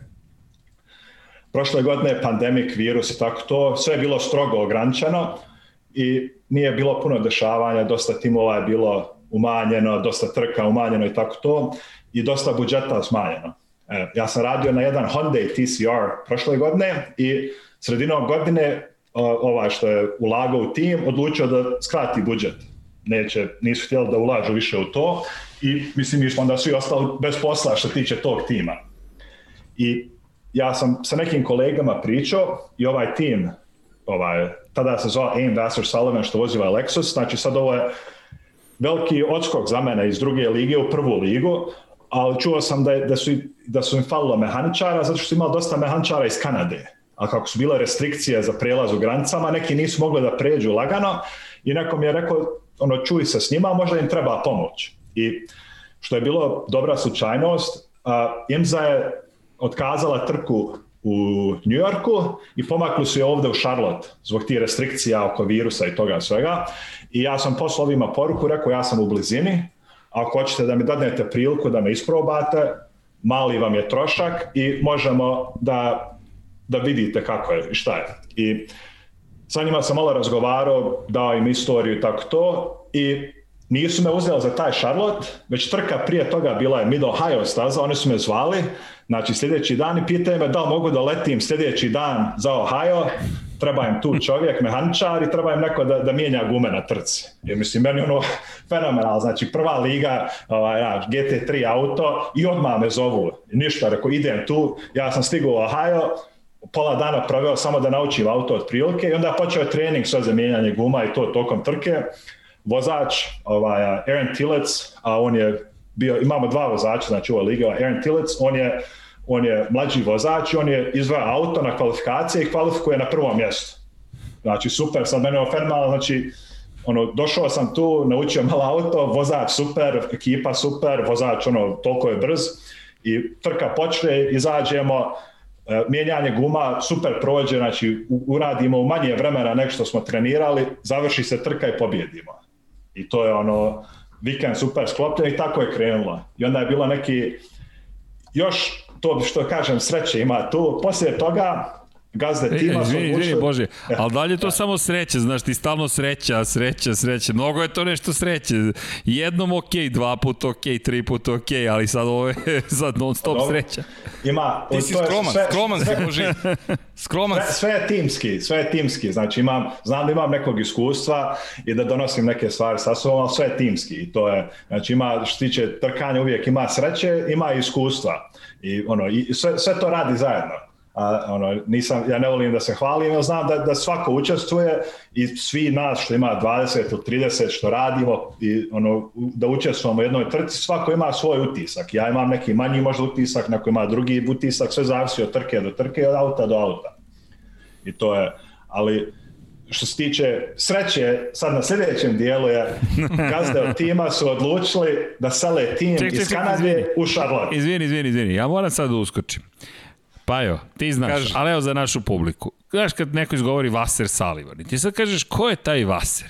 Da. Ko ne zna ko je Vaser? Jimmy Vaser, 1996. spominjao sam te 90. u svoju titulu IndyCar.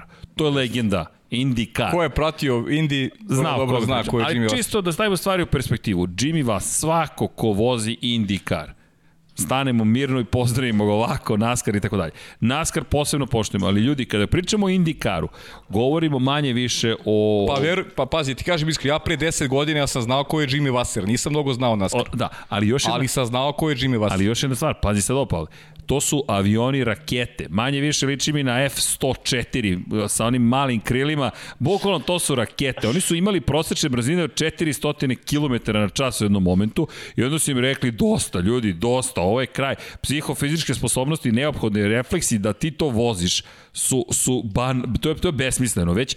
E, Jimmy Vasser u toj eri, u eri u kojoj je Jacques Villeneuve bio šampion, u eri u kojoj se na 500 milija Indianapolisa zaista borile legenda ovoga sporta, era konačno koja je tu, tu malo par godina kasnije se pojavio Juan Pablo Montoya prvi put na 500 milija Indianapolisa. Vasser je osvojio titulu. Čisto da budemo na, na, načisto. Vlasnik inače da, da. je Dale Coyne, koji je takođe legenda takmičenja. E sad dolazi Jimmy Vasser, ako vam to nije dovoljno, dolazi ko?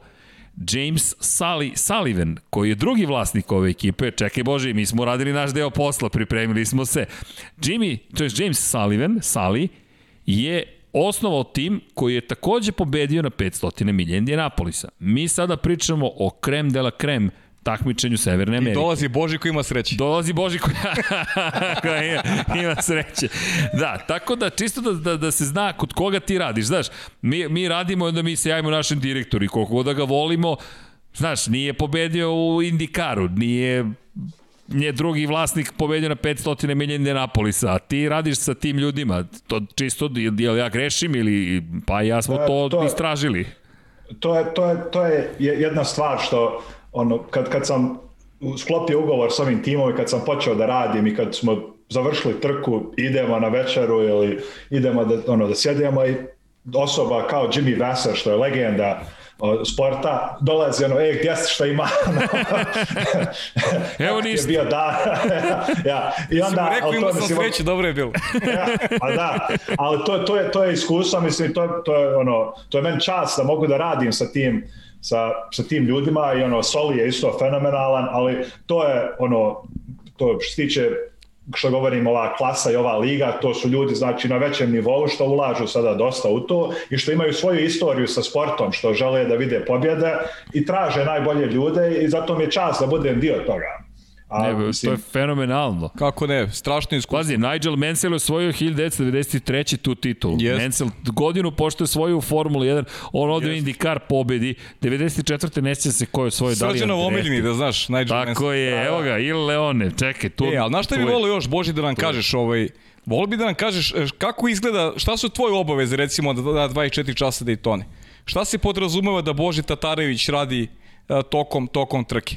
Zašto si ti zadužen? Da a, za, za samo tokom trke. Znači, mi smo da. bili 11 dana u Daytoni prije pripreme rada. E, bravo, znači, ajde, ispričaj mi to, okej. Okay. Znači, znači, ove godine su stavili posebna pravila da je bila, da nisu bile samo kvalifikacije, već je bila kvalifikacijona trka nedelju prije ovaj 24 sata. Mm. I šta, šta se desilo tu? Mi smo stigli u srijedu uh, januara 20. što je 14 dana koliko ispane prije trke. Imali smo istovar i tri, tri dana zaredom smo imali praksu, znači auto tamo ide na stazu, proba tamo vamo i mi po čitav dan smo bili tu kao mehančar, znači ujutru od 7-8 do neka 9-10 na već, ako ima noćna, noćna praksa, trening taj. I to je bilo, znači, četvrtak, petak, subota. E, u nedjelju smo imali kvalifikacijonu trku što je trajala 100 minuta. E, u toj trci koje ti je završno mjesto, na tom mjestu počinješ ovu trku od 24 sata. I to, to je novo ove godine, jer prije su imali samo tradicionalne kvalifikacije gdje radiš jedan krug ono, po vremenu i, i dobiješ poziciju. A ovdje je bilo 100 minuta, znači ovdje je bio veliki rizik, zato ako oštetiš auto u ovoj kvalifikacionoj trci, onda moraš da praviš opravke u neki dan, dva, da bi mogao da se trkaš u velikoj trci koji ti je cilj.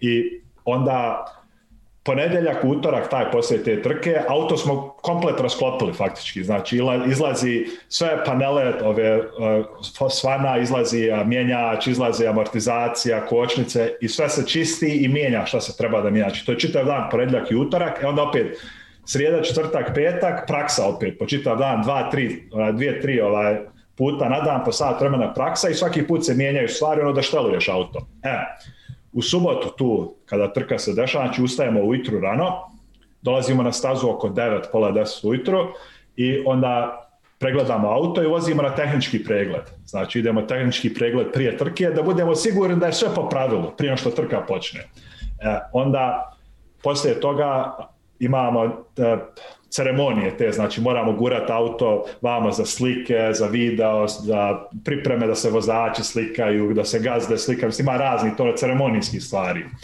E onda sat vremena prije trke oblačimo se u opremu idemo za pripremu trke. Sad svako ima svoj posao. Tokom trke imamo znači, nas tri mehančara što smo zaduženi za gume.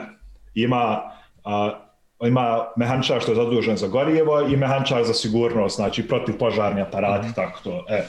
Nas trojica što smo zaduženi za gume, mi smo isto zaduženi za bilo, bilo kakve probleme da se dešavaju. Znači, ako vozač se nešto buni da nije u redu s autom, mi idemo preko zida da pokušamo da vidimo šta nije u redu i da popravimo. Ali ako je sve u redu, onda imamo svako svoj posao. Moj posao je, prvi posao je da čistim a, predio, grill, ulaz, radijator, za hladnjak i to, kad skačem preko zida čistim to, usput nosim gumu i onda prednju vanjsku gumu, ovaj što je kolega što radi, on skida, odvrće, ja montiram tu gumu i on zateže ovo što sam donio, onda idem nazad, uzmam onda zadnju vanjsku gumu i to je ono prosječna, prosječni taj pit stop. E, onda poslije toga, ako ima nešto dodatno, recimo ako se mijenja ugao krila, ako a, IMZA, oni ima neka traže onaj, a, informacije od kompjutera u autu, ima mali stik što se vadi iz auta. Ima svaki možda 8-9 sati se dodava ulje u motor. Ima, a, ima, ima onaj, negdje snimak na mom Twitteru, to ako bude kod traže mogu naći, ali ima flaša što je pod pritiskom, ima ulaz na haubi od auta i sad kad, kad odrede ovi inženjeri da misle da treba dodati ulje, ja auto ule, ulazi, ja imam flašu u haubu i ono pod pritiskom naspe ulje u motor, ja otkačim i auto ide.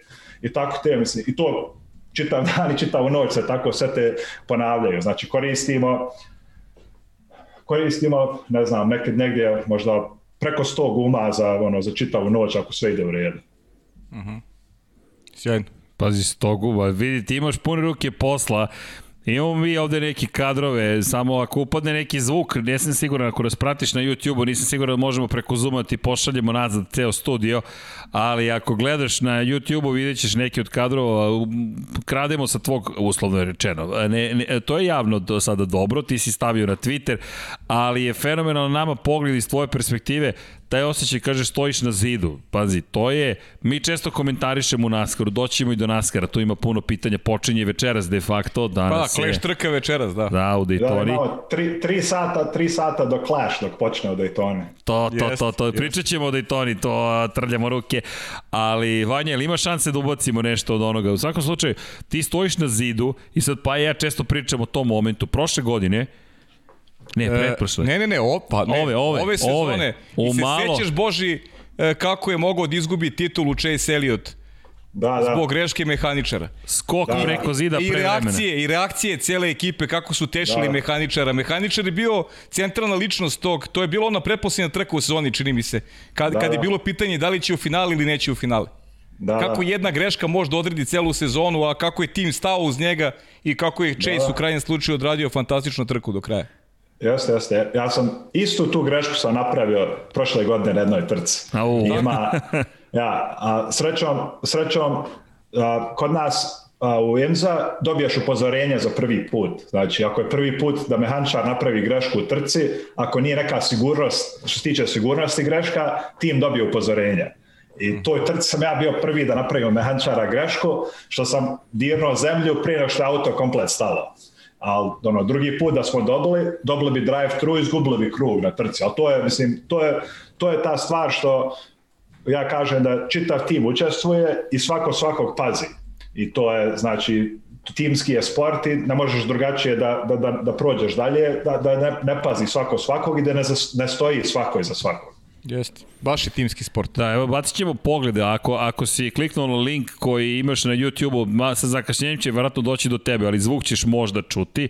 Ako je Vanja spreman video, no, čemu je pojenta? Jedno od pitanja je bilo kakav je osjećaj to video, nema zvuka, ali Da, ovo- sve ono je- što si opisao. Da, baš iz tvoje perspektive Da, ovo. iz tvoje perspektive. Ti kada preskočiš zid, čistiš zapravo prednju rešetku i potom ide zamjena pneumatika. Nešto nam se zaglavio video, ali i to se događa. Idemo mi dalje. U svakom slučaju, ajde da odgovorimo da li Vanja mi signalizira. Evo. To je čišćenje. Čišćenje, čišćenje, čišćenje. Evo Da, te sa desne strane. Nešto video neće da nas sluša. Kako god. Kakav je osjećaj taj moment? Kako da ti pričaš o tome da ti treba 10 minuta da se spusti adrenalin? Koliki su ti, koliki ti otkoci iz broja srca? Da- da- Kako to izgleda kad, kad, ti, kad, kad treba da dođe automobil? To je, to, je, to je interesantno, zato recimo toliko dugo trka traje da umoran si zato što ne spavaš, ali kad vidiš auto, kad vidiš svjetla da dolaze ti od ozdo, odjednom to samo fokus je tu da samo pratiš to. I adrenalin udari, ali to nije da sad da se, da se nešto ono pretjerano, već to adrenalin udari i ne, ne znam kako da objasnim, ko, opustim se tako nekako, ono, nije, nije da se ošćam pod pritiskom, niš, ništa Jasno. tako, već toliko, je, toliko puta smo to praksirali i to je moj moment da, da ja sam, imam taj fokus, samo jednu tu stvar da pratim i opustim se u momentu. I moje tijelo, mišići imaju memoriju i prate svoje sve poteze te gde ide i ja idem kroz to i to mi je, kako da objasnim sad, recimo, A, recimo kad odeš na more i kad skočiš prvi put u vodu i samo plivaš i opustiš se. E tako to je znači imaš poteze koje praviš, ali sve, sve teče svojim tokom i onda kada dođe do kraja i kad gledaš, ono, znaš, znam, znam u sebi koliko treba nam sekundi da određenu stvar uradim. I kad dođem do kraja i znam da smo uradili to i da imamo još 2, 3, 4 sekunde do našeg cilja, to je ono su- super uspješan osjećaj zato što znaš, znam sad ja da sam da smo mi kao ekipa što mijenjamo gume ili čistimo ili sipamo gorivo što god radimo, da smo mi sad naše auto unaprijedili za te 3 sekunde na stazi, zašto smo mi tu Sjajno. bili brži nego ekipa do nas. Sjajno. To je, mislim, ono, koliko super, je težak? Izvini, rezervoar za gorivo, kada ga ti nosiš, kada ga, ili tvoj kolega, koliko tu zapravo stane galona, litara, kako god? Zavisi sve od a, pravila. Sad smo imali 106 litara onaj ograničenje za rezervoar u autu, ali kod nas su, a, zovu se autonomous fuel rig, znači kod nas tank stoji na svojoj, a, svom štandu, imamo crijevo samo što izvučemo iz njega i to se zabije u auto. Znači nije, Nije kao NASCAR. Da, da, da moraš Da, da nosiš. bocu da nosiš. Da, ja. Da. Da, tako to, je, to nije toliko teško za nositi, ali ja, oko, oko 106, 107 litara su nam sada stavili to od trke do trke odrede da pokušaju da poravnaju auta da budu svi jednaki. Jasno. A kada je reč o točkovima, koliko su oni teški? Da li znaš? A ovi točkovi što mi nosimo su a, teški 53 pounda, što je oko 24-25 kila negde, ja mislim. Ili imaš fizičke pripreme neke pre nego što odeš na stazu? Kako se ti pripremaš ili je to već sastavni deo priče? Imamo, imamo pripreme, znači to je, to je sad razlika recimo između ove druge i treće lige i ove prve lige i neki ovi veći timovi kao Vassar Sullivan s ovim programom. Znači, oni, oni žele da, da nam pomognu da treniramo, žele da nam pomognu sa ishranom i, i, i da, da budemo mi fizički spremni da to radimo. Na, na vrh toga svega što se tiče što znamo mehanike. Znači, da budemo u, u, u kondiciji i, i da možemo da radimo ovo ostalo. I tako imamo preporuke kako da treniramo, imamo od tima imamo da nam pomognu što tiče teretane ili trenera ili tako to i preporuke šta da radimo i do nas je koliko hoćemo da uložimo, ali oni pokušavaju da nas poguraju, da nam pomognu da budemo što bolje a, fizičkem stanju. I dio toga za ovu godinu je kako su nam sklopili ekipu. Znači ja što nosim gume i ovaj što mijenja prednje gume što je odvrće i zavrće smo ostali od prošle godine. A ovaj što zadnje gume odvrće i zavrće je novi.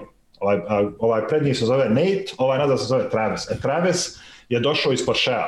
Travis je radio na Porsche GTLM programu. Sjajno koji se trkali u IMSA i koji se isto trkali u WEC na Le Mans.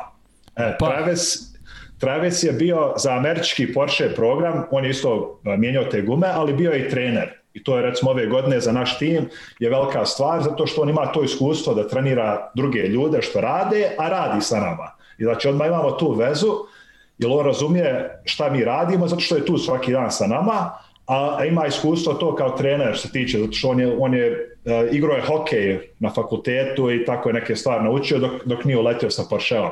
A to je recimo takve stvari, onaj su ono, sklopili nam da imamo ljude sa iskustvom, da svako ima neko znanje, da jedan drugog možemo da guramo. Ali ima veliki cilj na ishrani i veliki cilj na, ono, na atletici i tako to da se vježba prvo da, za brzinu, a drugo isto za sigurnost, da se ne povrijediš kad se krećeš oko takih stvari.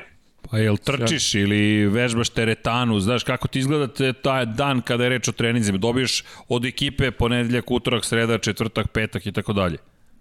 Da, da, imamo teretanu, imamo, ja mislim, ja imamo teretanu što se tiče, znači treba ti ono, ramena, ruke i leđa i tako to da ti bude jako, da možeš da, da, da montiraš, nosiš gume i tako to, da ne bi povrijedio leđa. Ali isto treba ti stamina da možeš da brzo to da radiš, da, da, da, da imaš ono, da možeš da udahneš, kako se kaže. Znači, tiče toga, svako radi nešto drugačije. Neko voli da trči, neko voli da pliva, ja volim biciklo. Znači, to je kod mene, ja pokušavam svako jutro da sjedim na biciklo i da vozim. I to mi onda drži tu kondiciju, a ima ovi kolege neke što vole da trče. Mislim, svako ima svoje, ali ima otprilike preporuke šta, šta žele da vide i šta preporučuju. Pošalji nama neki, pre, tre, neki ja program. Ja sam mislio za bicikl pre nego za trčanje, da znaš, slažem se s tom. Pa dobro, da, da, naravno, treba, treba to, meni je, meni je to bolje za koljana, mislim, razumijem, 100%. 100%. Ali čekaj, da. da te pitam za ishranu, stani, čekaj, stani sad, kako ishrana, jel odvedeš ekipu u neku kafanu, ima neka kafana koja predstavlja Balkan na adekvatan način, si upoznao ljudi ljude sa, lok, sa, sa regionalnom kuhinjom sa ovih prostora. To ne verujem da pa, da baš u dijetalnom je sistemu. Pa, u, u tome je dobra stvar, zato što tim je vrlo strog što se tiče uh, toga svega i ciljeva, ali kada imamo slobodno vrijeme, kad imamo pauze ili kad slavimo, znači gazde sve ulažu u to. Znači imamo, prvo dok smo na stazi, imamo svaka 3-4 sata toplo jelo dolazi isporuka. Znači oni naprave ugovor sa nekim što se rađuje sa stazom, s nekim restoranom. Znači čitav dan imamo toplu hranu, a uz to uvijek imaš hladna jela i grickalci i tako to što su pripremljene u prikolci od, od, od kamiona.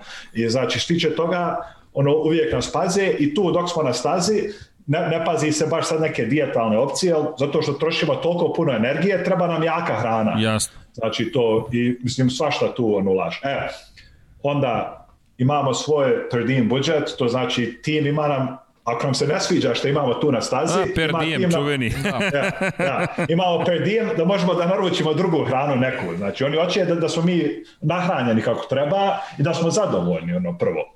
E, onda kad se izlazi, kad imaju večere i tako to, pogotovo ako su neke proslave, to, to ima ono baš fino, fino nas paze. A što je još bolja stvar oko toga pričajući o Jimmyu, znači Jimmy Vasser ima svoj vinograd, zove se V12 Vineyards. Taj vinograd ima u Kaliforniji. E, znači, Napa Valley. E, da, da. Znači, u radionci ovde u Charlotteu, kad smo, kad smo smjestili su radioncu, došla je isporuka onaj, onaj paket vina iz njegovog vinograda, imamo u radionci, znači ako, je, ako ima neki gost ili ako je poslije radnog vremena, ima, znači ima vino i sa Jimmyovog vinograda. Isto tako prošle godine u Sibringu kad smo imali zadnju trku, kad se završila trka, sve smo spakovali, Jimmy vadi pakete iz auta i svakom po flašu vina da imamo za tu veće kad idemo naš, idemo svi ono, nazad u hotel čitava ekipa i u hotelu smo ono, u lobby sjedli, a svakom po flašu vina, znači to je, vino je stvarno fenomenalno, znači ovde ono, to je vino je, ono, na, na, na visokom nivou se ona čuveno je zato što je kvalitetno. A to znači čitao svi mehančari, fotografi, svako flašu i evo idemo, znaš, nazad. Novinari. Da. Ja, da, pa može, to, kad dođete u posjetu Šalim ovde, se, naravno, bože. Da probate. Pa... Ne, ne pijemo, ne pijemo. Ne pijemo, da, da, ne konzumiramo, mi samo vodu, kao i ti. Ali, ne, ali šalno na stranu, znaš, fenomenalno je čuti to što ti pričaš, Jimmy Wasser, pa njegov vinograd, pa dođe. Jeste, sjajno, ali da. čekaj, jesi, je li ima neka lokalna kafana da ti kažeš, ljudi, evo, ja vas vodim na neke lokalne specijalitete to, iz... To, to, to nekad uspije, to je u državi Wisconsin, gore gdje je Rod Amerika, kad se trkamo. Dobro A, to je znači sat vremena sjeverno od Čikaga. Ima dosta naših ljudi u Čikagu i to okolini, tu u Wisconsinu ima isto znači naših restorana.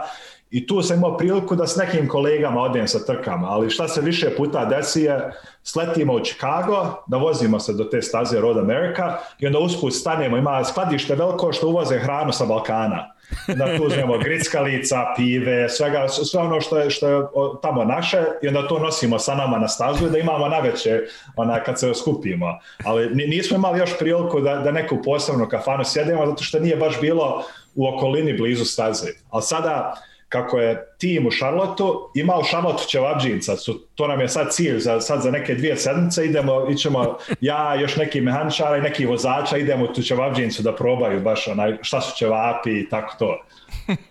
Dobro, zabavno. E, a Boži, kakvi ste bili rezultatski sad u, u Daytoni? Kako ste prošli? Bil, dobro smo krenuli, ali je, slabo nam se završilo. Znači, krenuli smo, prvi 10 sati smo većinu vremena vodili i vodili smo neki 100 krugova, ali oko sata broj 10 imali smo problem sa vodom, znači počela je voda da nam curi negdje unutra u motoru i počela voda da sagorijeva i pari se iz motora i motor se počeo pregrijavati. I onda smo morali da idemo u garažu i da radimo na tome i tu smo izgubili dva kruga odmah i dok su se vratili izgubili smo još dva i onda smo uspjeli da vratimo koji krug, ali to se počelo da dešava neki svaka dva sata i tako smo da izgubili dosta krugova i završili smo, ne znam, negdje 14. 15. tako to. Ali to ti je 24 sata trka, nikad ne znaš šta će da se desi i to je sve koliko može pa. da, da izdrže ta auta i ono, neka mala stvar tako što ono, na kraju izgleda će biti negdje mali dio glave motora da je bio oštećen, da je puštao vodu, ali desi se posle tog dugog vremena. Pa, znaš kako, World Endurance Championship, mi ga prevodimo svetski šampionat u trkama izdržljivosti. Ne, jednostavno to je, ne znam da li si uspio da ispratiš Gabor Sagmeister nam je bio gost prošle put u MotoGP podcastu, to je posvećeno motociklima. Ima čovek 13 učešća na reliju Dakar. 10 puta je stigao do cilja. To je to. Uspeh je stići do cilja. Da, I, da. I tu je kraj. Ko nije učestvovao u tim trkama i tim takmičenjima, Da, da. kada gledaš dokumentarce 24 časa Lemana, sreća koju se osjeća što si ti, do, došlo ti je vozilo do cilja, kak, kamoli pobeda, to je uspeh da. sam po sebi. To je, to, je, to, je, to je stvar koju sam imao dosta razgovora što se tiče recimo Toyota na Le Mans. Znači Audi i Porsche su se izvukli iz Le Mans i dosta ljudi se pita zašto Toyota se dolazi da se trka kao jedni, jedini ogromni proizvođač. Znači svi ostali timovi, ova LMP1 klasu su mali.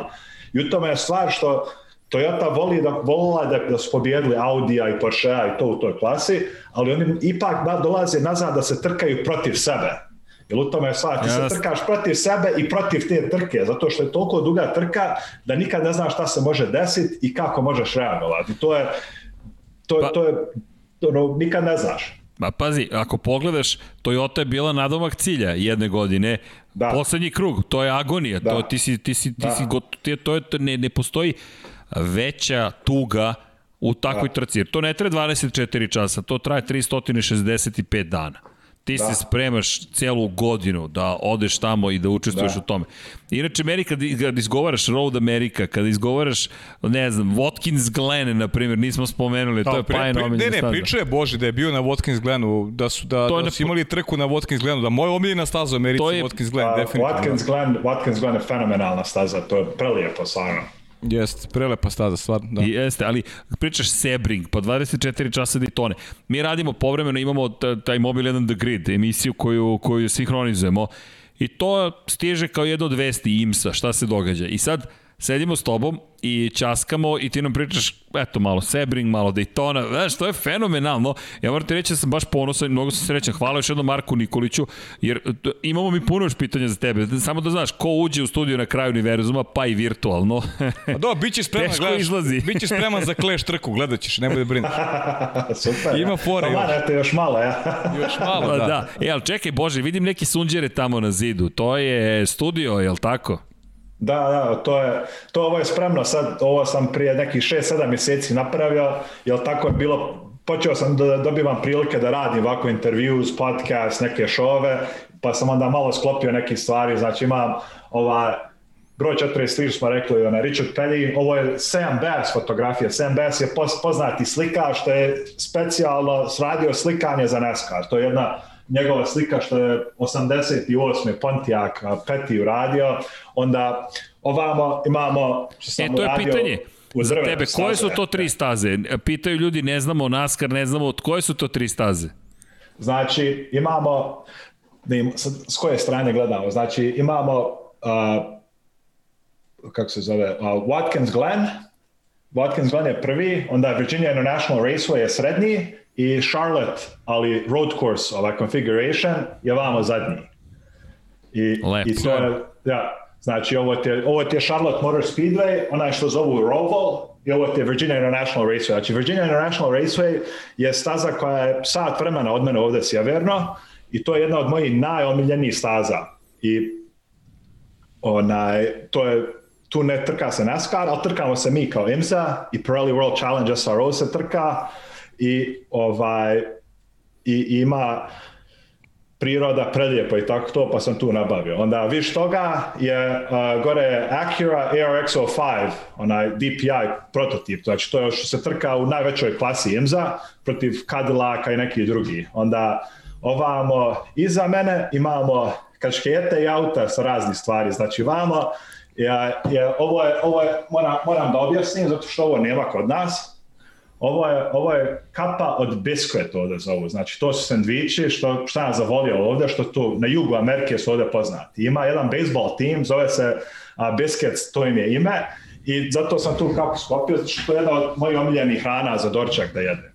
I onaj, to, jer imamo Toyota Supra, imamo kačket od tima, znači to je, ovo je od Vassar Sullivan, znači to je ovo je logo i ono Lexus F, Ma, to, to je od tima onaj kačket tu i onda još imamo neki ukras. Ali to je malo samo da, da sklopimo onaj, da malo ima sređeno, da nije samo prazan zid. Ja, imaš od McDowell 13, kaže, we here in the state love our Boži, did he bring biscuits for the interview?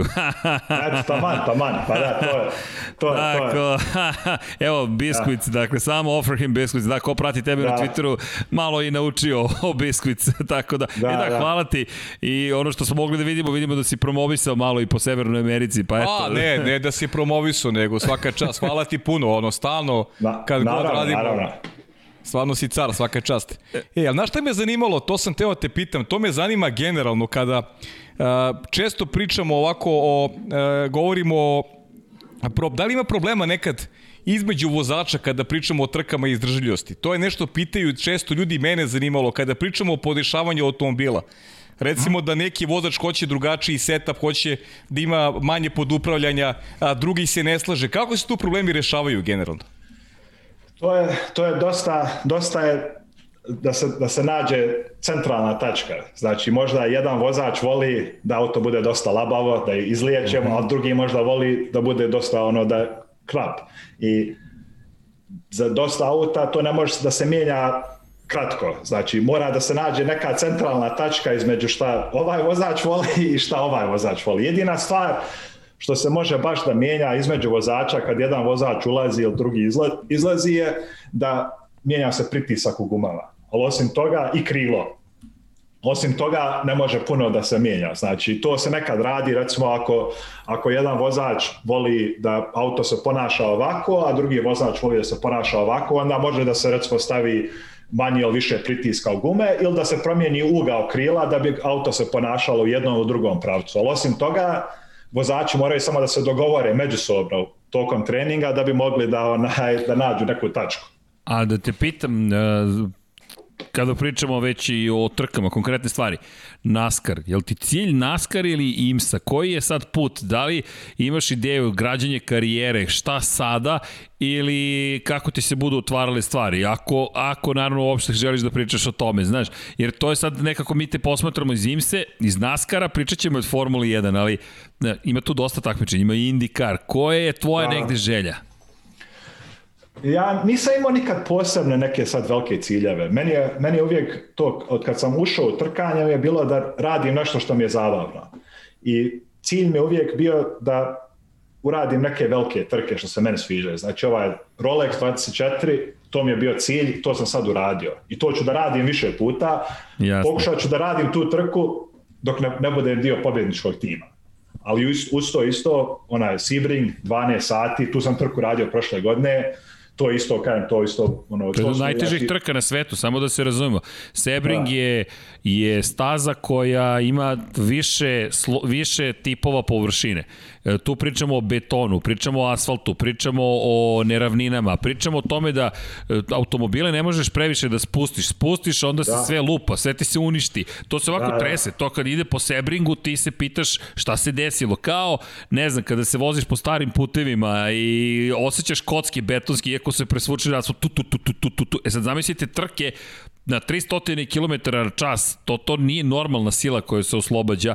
I onda 12, 12 časova Sebringa ku motociklizmu, 8 časova Suzuki, to ti je kao da voziš 36 sati na nekom drugom mestu. Sebring ko preživi pričaće bukvalno.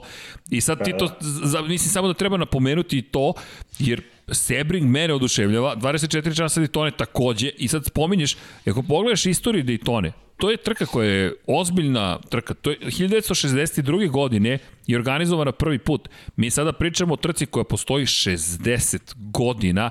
Rolex je glavni sponsor. Rolex koji je sponsor i Formula 1. Ima dosta pitanja za tebe da li pratiš Formulu 1, doteći ćemo se toga.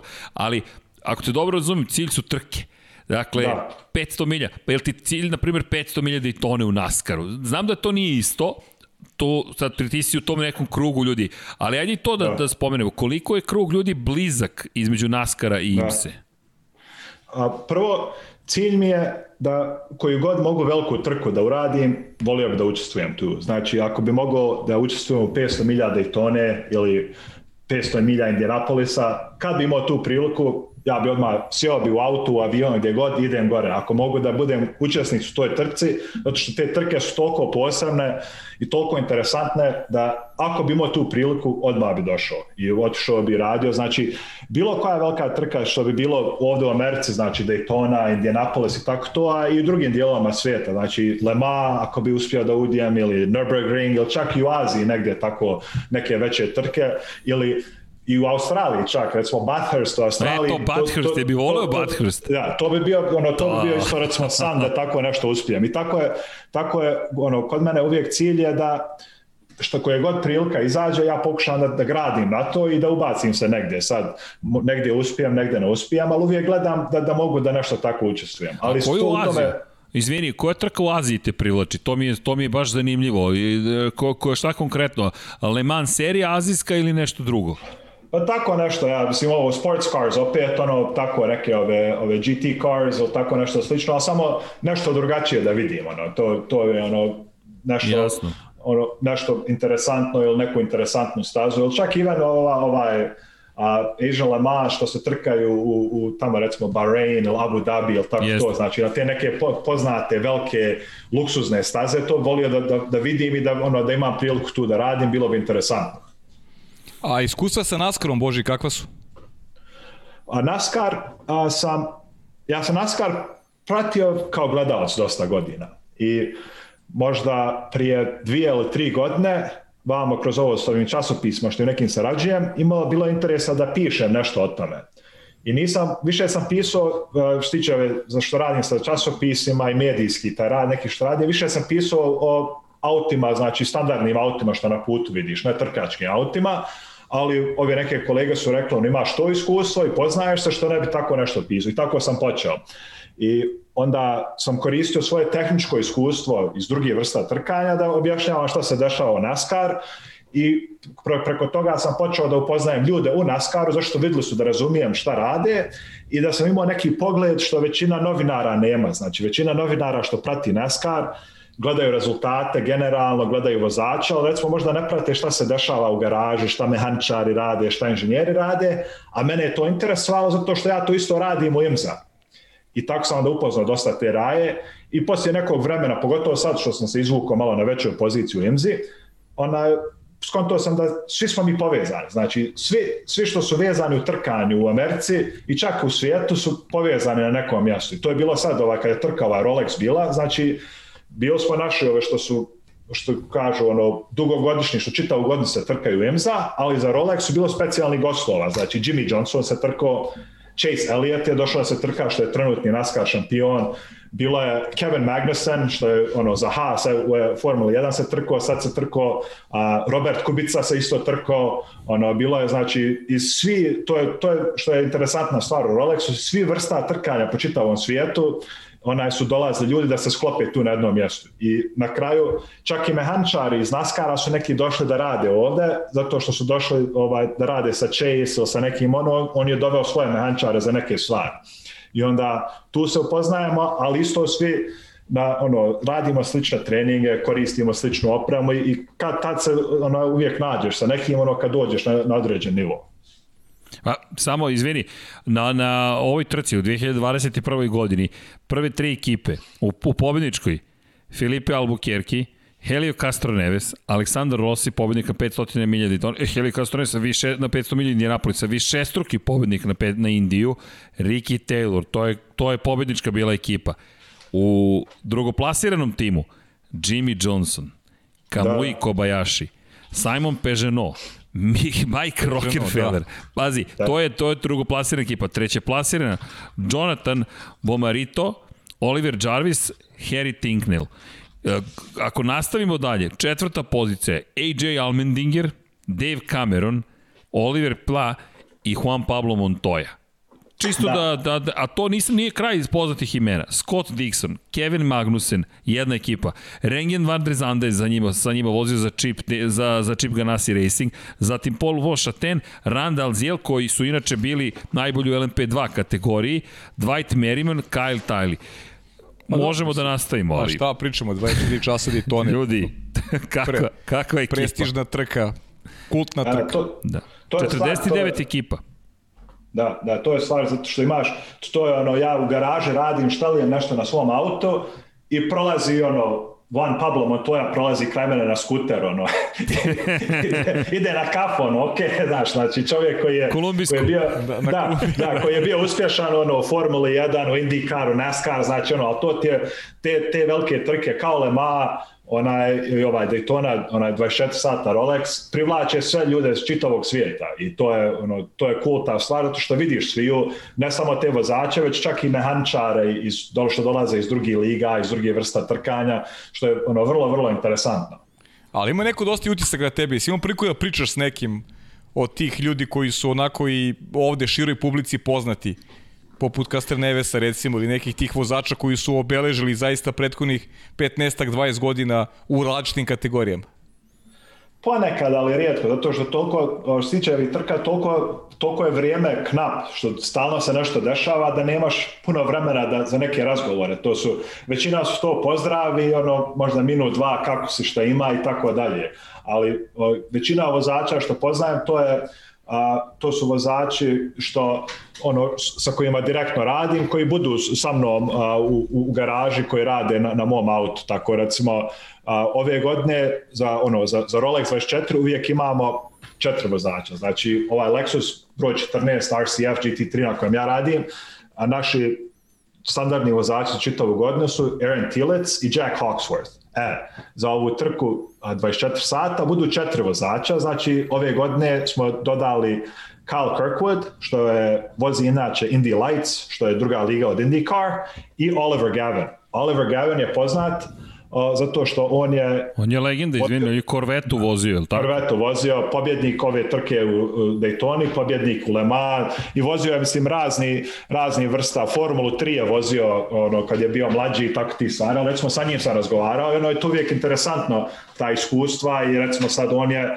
on je na tom, recimo tom dijelu njegove karijere gdje gleda prema ono, penzionisanju, ali ono, on je vozač i voli da se trka i nastavit će da se trka, ali neće možda po tim pritiskom koji je ranije se trkao gdje se čita ugodno trka, već sad samo nagdje prilike gdje ono, jednu trku ovdje, jednu tamo, ali to je interesantno samo vidjeti uh, njegov pogled, gdje on je recimo vozio svašta, što je vozio te Formule 3, vozio tamo 90 i vozio je neke a, Opele tada u Evropi, vozio je Lole, one što su Formula 3000 u Evropi, onda poznat je za Corvettu, vozio je čak i Salin, onaj Salin S7R prije što je vozio Corvettu, što je ono interesantno, ono drugačija vrsta auta i što smo govorili za Bathurst, vozio je 2014. ili 15. vozio u Bathurst, onaj Holden vozio sa, sa uh, Nick Percat, onaj dole što ima, i znači to je sa njim razgovor je uvijek interesantno zato što uvijek ima neke poglede, neke stvari da, da, da kaže, zato što je toliko drugačiji stvari radio u životu. Ali recimo nekom, ja, nekom sa njegovim iskustvom i ova trka je još uvijek vrlo, vrlo značajna. Nema veze koji put je što radi, njemu je ko da prvi put radi da ima taj cilj, da hoće da pobjedi i da, da, da ima taj pehar u toj klasi. Mm -hmm. Sjajno. Boži, bliži nam se polako sezona Naskara, da iskoristimo priliku. E, ima mnogo pitanja da, da, za Naskar, za Naskar moramo, da, mora da, se pozabavimo da malo više. Da iskoristimo malo. E, taj tvoj pogled, ima inače jedno pitanje kako sve postižeš, pošto i pišeš, i radiš, i da. mehaničar si, ili ti, kako stižeš? Pa, kako kad? sve, sve, sve kombinujem, tako pokušavam ono, da, da uklopim to vrijeme i onda recimo trenutno, sad kako sam bio u Daytoni, bio sam u Daytoni pola mjeseca, zato što je toliko ovo sve trajalo i znači što, što tiče stvari koji pišem i tako to, sad tek pomalo pokušavam da, da, da stižem to, da, na šta sam počeo u januar. znači imam neke, neke sastave što sklapam Što bi što... poznato. da. Baš zvuči pa da. poznato. Da, zvuči da. poznato. Da, da, dobro, to je, svi se ambiciozni smo, volimo to što radimo. Ma da. Ali to je. za NASCAR... Kakve su prognoze, Bože, da, za, to je... za, za NASCAR? Ima, ima nekih ima... mnogih pitanja, pitaćemo sve što su, ovaj, što su gledalci želi da saznaju o tome. Kakva je tvoja prognoza? Ja koliko vidim nije bilo mnogo promena unutar ekipa, makar kada pričamo o ovim kvalitetnim i s izuzetkom, naravno one najveće stvari, penzionisanje Jimmya Johnsona, to je svako obeležilo, da. obeležilo pauzu između dve sezone. Gledam sada, ove godine ne očekivam da bude velikih promjena, očekivam da bude slično kao prošle godine, osim toga što ćemo vidjeti neki možda manji stvari od ovih novih timova. Jer ovo je sad tranzicionalna godina zato što imamo sad ovaj next gen auto što dolazi 2022. Da, to, ste biti, I, to je sedma generacija, je li tako? Da. Da, da, tačno je, sedma generacija. I u tome je stvar što svi dijelovi, znači što inženjeri ovi na timova mogu da prate, su zaleđeni. I ti su dijelovi već zaleđeni od prošlog proljeća. I Znači, inače preko zime inženjeri sklapaju, i tokom godine mislim, ali preko zime najviše sklapaju nove ideje kako misle nešto da će drugačije da urade, nešto da iskombinuju, ali ove godine nisu mogli to, jer nemaju odobrenje da koriste nove dijelove. Znači, većina auta koja su sklopljena za ovu sezonu su 100% ista ako prošle sezone. Možda neke male cake su našli što mogu oko pravila da idu, ali nemaju novi neki dijelova da mogu da stave. Ljudi su većinom isti što tiče toga. Jedina, jedina razlika je što su dosta mehaničara i recimo ovi fabricators, znači što rade sa metalom, varioci i tako to, su izgubili poslove zato što sad kako ovo novo auto dolazi, dosta dijelova će dolaziti direktno od proizvođača, neće neko na timu da ga pravi, već će doći već sklopljeno, sam će da ga stave na auto. A to je I, kao da je stok, ono, klasičan stok, ti, nije, jeste trkački stok, ali je stok i dalje. Ma, ma da, tako je, znači, to, je, to im je sad cilj, ali hoće, NASCAR hoće da uštede para za timove i to je sad kako gledaju, mislim, što ja kao mehaničar što poznajem da ove neke ljude, meni je, meni je ono, malo malo, malo, malo mi je ono loše da vidim da ti ljudi gube poslove i tako to, ali oni misle da će to generalno biti bolje zdravlje za, za čitavu seriju, za, za, za, za to trkanje, ako mogu da smanje troškove, da više privuku auta. Ali tako... čekaj, izvini, da li to znači da će se timovi značajno smanjiti? Jer ti imaš ekipe koje su zapravo po 450 zaposlenih, ako ne i više, veliki timovi koji imaju svoje takozvane da. fabrikatore, to jest ljudi koji proizvode sve to u fabrikama. Da. da li to znači da će i timovi, poput, ne znam, Stuart Haas Racinga se smanjiti, da. s obzirom na činjenicu da će direktno dobijeti od proizvođača sve? Da, već neki su preko sad zime, neki su već otpustili po ono 30, 40, 50 radnika ti što rade u fabrication. Znači oni su napravili, ti fabricator su napravili dijelova dovoljno da imaju za većinu ove sezone. I da, tako, to, izvini, tako je u Formuli 1. To, to, tako funkcioniše Formula 1. Williams od, na primjer, decembra do kraja januara, februara zapošljiva 1600 ljudi u, u svakom trenutku.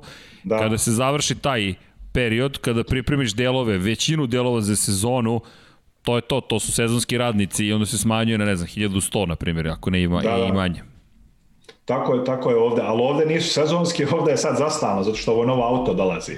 I da to i čak i inženjer, znači ako je bio neki inženjer što je njegova svrha bila da radi na prednjem čošku auta. E sad prednji čošak auta će dolaziti od proizvođača spreman da se ne može mijenjati. Znači nema, nema više kori za te inženjere. I što je interesantno, što će tebi biti sigurno interesantno, je nekoliko inženjera što ja poznajem lično, što su radili na tako aerodinamici i tako to, što su izgubili poslove sad do radi da. 5-6 meseci, su otišli u SpaceX Znači, čekaj. To je, to, to, je, to je, ali to je isto jedna stvar što ja koristim kao primjer koliko su savremeni inženjeri u NASCAR-u, da znači SpaceX ima ljude koji prate samo ko će dobiti otkaz od ti ero inženjera u NASCAR-u da idu da ih pokupe, da ih zaposle, da radi na raketama. Tako će i srđana da uzbu. Tako je, isto, tako je, Pavle. Kamo budu pogledali emisiju. Ovaj, da, da. Ma vidi, Bože, idemo zajedno. Pazi, Severna Karolina, Texas, Boca Chica, sve je to blizu. Ej, pa, pa, pa eto ti ideje, to ti sledeći korak. Kad uradiš trke, onda idemo da radimo prenose direktno sa lica mesta lansiranja. SN10 da, da. je spreman, SN11 da. je već proizveden. Pavle, ti dolaziš da uživaš. Ja dolazim da, se, voz, da se da vozim da raket. Da se vo... baš, baš.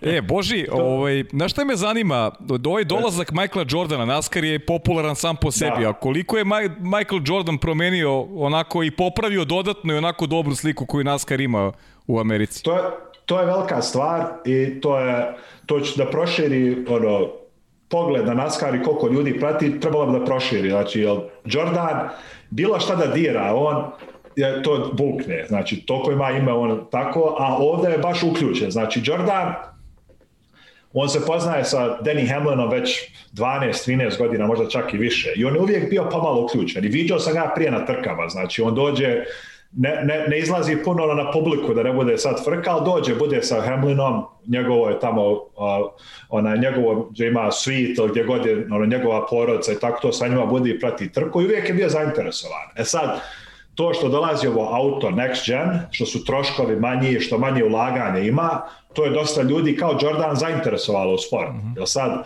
on može umjesto da ulaže recimo 30 miliona, možda može da dobije isti rezultat za 10 miliona. I razlog zašto no, dosta novih timova ima ove godine je dosta timova tako hoće da da ono započnu tim, da da sve strukturu tu, da to sklope, da imaju nešto ono prije što novo auto dođe. Tako sada kupuju stara auta ili ono, rentaju od nekih drugih timova da koriste za ovu sezonu, ne očekivaju velike rezultate, ali koriste ovu sezonu da se pripreme za novo auto gdje će da ulažu. I to je, Jordan je došao sa Hamlinom taj tim i sad ima vamo na drugoj strani, je ovaj Justin Marks ima ovaj Team Trackhouse se zove, on je sad sklopio ugovor sa Pitbull, onaj pjevač Pitbull I to je, to je sad isto interesantna stvar, jer ima dosta drugačijih grupa ljudi koji će sada da vide NASCAR, zato što ima dosta drugačijih ljudi što počelo da ulaže.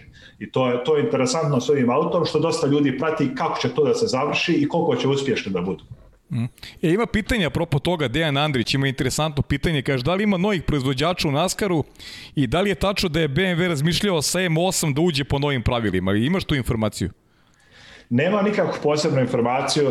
Znam samo da Honda i BMW su onaj nisu imali nikako oficijalnog interesa, ali kako sam čuo od inženjera, bilo je pitanja o šta se dešava tako tu, ali za sad, za sad ne znam za, za nove proizvođače iko da ima išta strogo da interesuje ili išta onaj, da, da ima posebno da znam, ali to Honda i BMW je bilo malo priče, ali ništa, ništa strogo ni sigurno vijesti oko toga. Ima još pitanja, isto pita Dejan, kaže kako vidiš budućnost Naskara i da li, smiš, da li misliš da će i NASCAR da podlegne u skorijoj budućnosti hibridnim i elektropogodjenim motorima? A, mislim da će hibridi da dođu.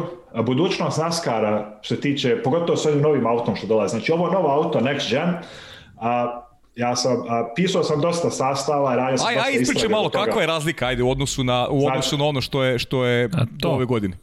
Znači, ovaj next gen auto je dosta sličan ovom našem autu što se mi u Inza trkamo, GT3. Znači, ovaj trenutni NASCAR a auto što imaju je osovina klasična nazad, znači ravna osovina, ona i amortizacija. Ovaj novi je uh, independent rear suspension, znači posebno amortizacija i transaxle, znači mjenjač nije više iza motora, već je mjenjač iza vozača. Uh. -huh. I a, aerodinamika je promijenjena, kočnice kako su montirane, promijenjene, hlađenje za, za radijatore promijenjeno, znači sve to su promijenili da je dosta slično GT3 auto. Prema vam ovo što je trenutni NASCAR ova generacija 6 nije, u teoriji nije puno različito od generacije 1, gdje više je ko trak nego ko auto, onaj što se tiče Izvini, kako je raspoređeno. To je, to je, samo da, samo da se razumemo, to je motor je, je smešten napred. Da. Pogon jeste na zadnje točkove, ali da. mi govorimo o 5600 kubika motorima da. V8, to su atmosferski da. motori, to su klasične staromodne zveri, to da. srče gorivo i to je to manje više. I da. imaš četiri to, to... zapravo, imaš četiri brzine, idu da. u H čuveno. Idu u H, da. 1, 2, 3, da. 4, to je to. Da. da. E, I... to, to, to je da. To, Izvini, to je... prekiruh te. Da, ništa, ništa. To je, u tome je stvar što je, ova sad auta su klasična, ali ja uvijek kažem ljudima da zamisle to je zato što jesu stvarnosti tako, da zamisle da je neko uzeo auto iz 1968. godine i dao inženjeru iz SpaceX-a i rekao, evo ti milijarde dolara, ajde ti napravi auto brzo. I onda tako su uzeli recimo te motore, ti motori što su V8 atmosferski motori, oni su toliko savršeni da mogu da preko 1200 konjskih snaga mogu da proizvode ali NASCAR to ne dozvoljava, stave plate na njih da ih ono uspore. Ali toliko su i savršili da rade na temperaturama što, ono, recimo, ovo GT3 auta na, sad ćemo da imamo samo, GT3 auta prokuvaju na neki 100 stepeni tako to. A u NASCARu su toliko usavršili auta da, da rade pod pritiskom, da njima na ovim restrictor plate stazama kod Daytona i Taladega da mogu 130-140 stepeni da, da kuva voda u motoru i da motor na toj temperaturi da je na najefikasniji, što je mislim ono za nerazumljet, ali tako su napravo taj dizajn. Isto ti mjenjači su četiri brzine, Znači, unutra ležajevi mali, imaju, znači, imaju ljudi, zato su morali da zalede dijelove. Recimo, ima inženjeri što su, jedan inženjer recimo čitav godinu provodi da jedan ležaj samo da testira razne tretmane što mogu staviti na njega, ako ga mogu urezati malo ovako ili malo onako, da kad prebaci da dobije možda stotinjak sekunde brže onaj, da, da ubaci u brzinu. Da, izvini, NASCAR obično ima reputaciju da se radi o nekoj zastareloj tehnologiji, da je reč o da. nečemu što je Lepljiva traka i čekić. Tako je. Ne, to, to, to svakako postoji, ali šta je lepota? I ispod toga je high tech. To, to što, što da. ti pričaš i zapravo high tech NASCAR čak ima celu školu za klince, ne bili obučio ljude koliko je zapravo napredna Tako tehnologija je. u pitanju. Pa ali eto često napominjemo. Evo spominješ restrictor plates. To su zapravo ploče ploče koje ograničavaju dotok kiselnika, ako se ja ne varam, i da. smanjuju da. ti zapravo snagu koju ćeš dobiti iz motora, jer to je jedini način da ne idu preko 350 km i više na čas. Jer ti kada pogledaš, to je cigla jedna koja se kreće kroz vazduh, realno, to nije aerodinamički baš neki savršen profil, ali ti imaš takav automobil koji juri po speedwayu, dakle govorimo o, o stazama brzine, pa ti ja smo, koliko smo bili srećni na 500 milijadi tone prvi put kad smo gledali, prenosili 40 automobila, jedan po... Da, da, da. U tri to, kolone. To, da. I, I šta smo se šta oni nagledali prošire? Oni vazduh za koji nose godina, ispred da. sebe. Ljudi koji stoje pored, pored, pored staze, pored ograde, stoje kao, čekaj da fotografišemo u Daytoni. Pa ne možeš zato što da, vazdušni zid koji dolazi, koji oni pomeraju pokraj sebe, će te odneti i onda gledaš kako ljudi ne mogu da stoje na nogama, a idu 320 na sat. To, to je neverovatno. Ko, koju brzinu bi oni mogli da razviju? Šta misliš da, da im dozvole? Pa to je, ja mislim da je bilo je možda 80 neke, ili ne znam, možda od početka 90 su ne mogu se sad sjetiti koji je bio vozač, ali bio je vozač jedan što nisu stavili restrictor plate kad je bila proba, trening je neki bio. I Možda on Arbor. je, Možda Karl Arboro, a? A, Ako si ja može nešto- biti, a mislim, ja, može biti, ne znam, ali uglavnom znam da su, uspjeli su da voze slučajno, zašto zaboravili da stave restrictor plate za probu, oko 370 ili 380 km na Samo sat. da sam čitao nek, da, da. 370, Da, da, da. 380, fenomenalno. Da. Ali to je bilo tada prije 30 godina da. gdje, su, gdje, gdje aerodinamika je bila lošija nego sada, gdje su motori bili slabiji nego sada. E sad zamisli sada kad bi skinuli restrictor plate sa ovoga, mislim bez problema bi mogli preko 400 km na sat u Daytoni ili Talladegi. E, znaš šta je meni impresivno, Boži, kako su rešili taj, taj problem bezbednosti?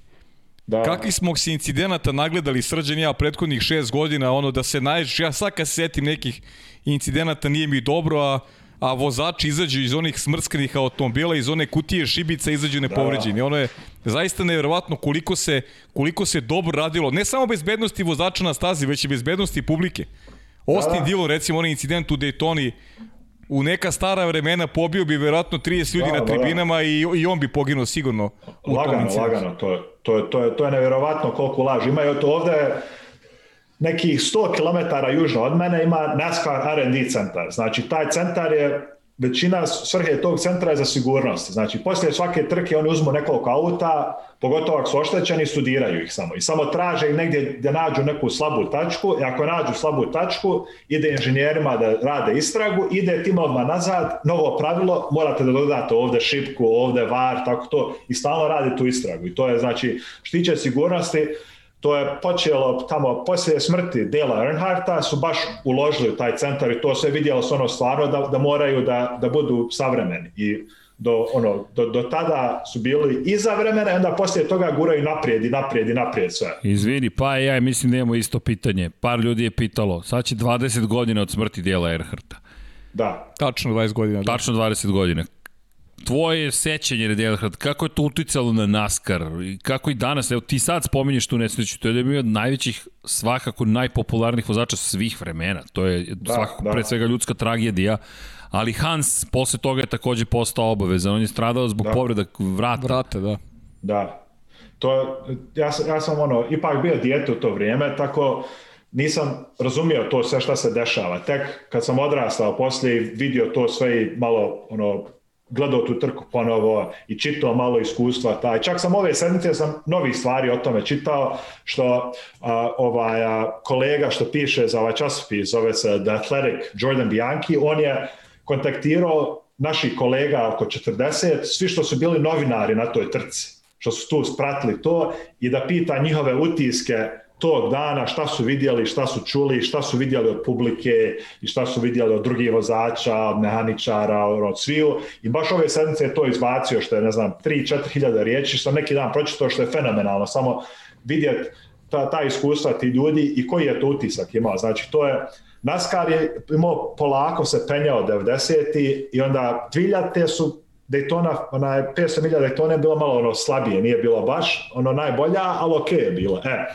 2001. je počeo prvi veliki TV ugovor sa Foxom za NASCAR. Znači, tada su Daytona, 500 milija Daytona 2001. je bila prva trka u ugovoru Fox Sports i Fox sa NASCARom, što su počeli šest godina ugovor. Znači, to je ono, mjesecima prije toga to su bili pripreme za to, to je bilo reklame velike, znači to je sad bio prvi ogroman ugovor za NASCAR sa velkom TV kućom. I to su ljudi su očekivali da ta 500 milijada i tone 2001. da bude početak nešto, nečega velikog.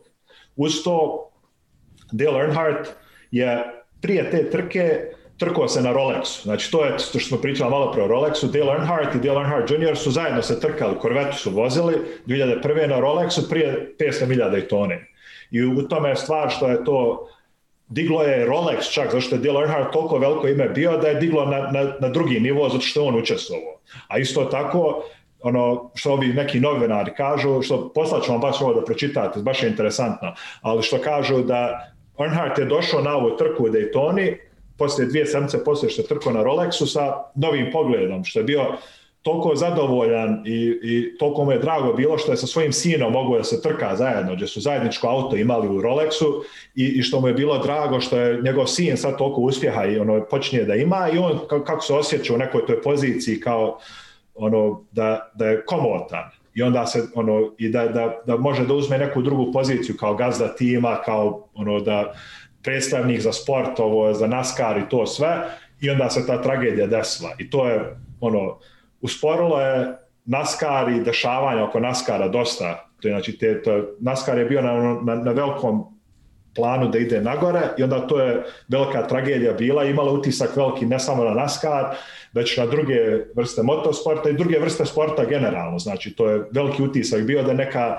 osoba što je toliko poznata bila u, u svim ono dijelovima svijeta da, da, da, da izgubi život. I to je baš veliki utisak imalo i čak dan danas, što je 20 godina poslije toga, pogotovo ovde u Sjevernoj Karolini gdje on, mislim, tu živio, gdje ja, ja prolazim kraj kuće gdje njegova majka živi vrlo, vrlo često, što je ovde u okolini i ono, mislim, što je, što ljudi poznavaju, što se poznavao ta osoba što je bila svjetska zvijezda, koji je još uvijek bio u, u lokal išao, išao u prodavnicu tu u malom gradu gdje je odrastao, gdje je njegova porodica živla, on je nastavio tu da živi iako je toliko poznato ime bio, on nije promijenio gdje da ide u kupovinu, gdje ide u koji lokal, u koji restoran, ono, bio je čovjek ljudi, što se kaže, ono, i to je, zato je imao toliko veliki utisak i dan danas još uvijek ima utisak taj. Da, sjajno. Dale Earnhardt, intimidator popularni. Ne, da. Tro, da. Čovena trojka, to, to je velika stvar. Pričali smo ti ja dosta o tome, ali kada ovako neke stvari izneseš, prosto podsjetnik i do 18. februara će biti ta godišnjica za eto koliko 9 dana taman posle Daytone i kao što si rekao na Daytoni, ali jeste to neverovatan isplet okolnosti da, da, da sve izgleda tako dobro za NASCAR, gotovo savršeno, onda se desi jedna tako velika tragedija. To je početak i pojačavanje bezbednosti kao što smo pričali, ovo što Pavle ti kažeš, evo 20 godina kasnije, bože ti pričaš o SpaceX-u, pričaš o, o ljudima koji trenutno podižu rakete ne samo u svemir, već dignu nad 15 km, pa je drže tamo pa planski gasa jedan, da, drugi, treći, četvrti da. motor, pa je puste u, u, u, u, u glide, praktično imaš jedrilicu i to je 50 metara visoka raketa koja se spušta, ok, SN8 nije sleteo, SN9 nije sleteo, makar neuspešno, ali tako je bilo i sa Falconom. Pa da dok su uspeli, to je testiranje, samo što kada njima ne uspe test, to je gromoglasno dosta, ali bez obzira na sve to oni nastavljaju i ono što je fascinantno, telegure čelika koje koriste, metan koriste kao gorivo, zaista su neke neverovatne stvari, ali i, i, i da iskoristim priliku da se vratim na ovu generaciju 7. Mnogo je to velikih promjena. Ti pričaš o nekoj vrsti, ne, to je nezavisna suspenzija, to je oslanjanje, gotovo multilink, ajde, da, da ne idemo ka Fordu sad nužno, ali mi govorimo da. o tome da ćeš ti potpuno drugo ponašanje automobila sada dobiti način na koji si do sada podešavao automobile biće suštinski drugačiji. Pri čemu da. menjač više neće biti, biće sekvencijalni ako se ne varam. Da, dakle, da, da, pet, pet brzina sekvencijalni, ja. Menja se i to, i to je ogromna promena. E sad, da. gorivo, šta, šta se događa sa gorivom? E. Da li tu ima promena? Da, to je baš tu da nastavimo, to sam, krenuo sam od tome da sam Hvala. skrenuo sam na drugu stranu, o hibridi. Svi neko, mi neko volimo pitao, da skrećemo. Da, da, da nek, neko je pitao za hibride i to poznajem se baš s ovim nekim što rade istragu na tome i dolazi, dolaze hibridi u NASCAR, dolaze hibridi u IMSA i to, ali je, što je interesantna stvar je da neće, ti hibridi neće promijeniti izgled ni zvuk NASCAR-a, niti bilo koje drugi auta puno. Znači, ova generacija 7 Next Gen NASCAR auto je iz početka urađen da može da postane hibrid. Znači, ta, taj sekvencijalni mjenjač što stoji znači, iza vozača sad u, u liniji sa zadnjim točkovima, ima na sebi ugrađen uh, onaj prostor da može da se elektromotor na njega montira. Znači, Aha, okay. ovaj benzinski motor naprijed V8 će ipak ostati, on će biti povezan na ovaj mjenjač da prenosi snagu, e onda kad postanu hibridi, šta će da urade, da će da dodaju elektromotor na mjenjač. I tako će onda da, da, da dodaju čekaj, uh, onaj...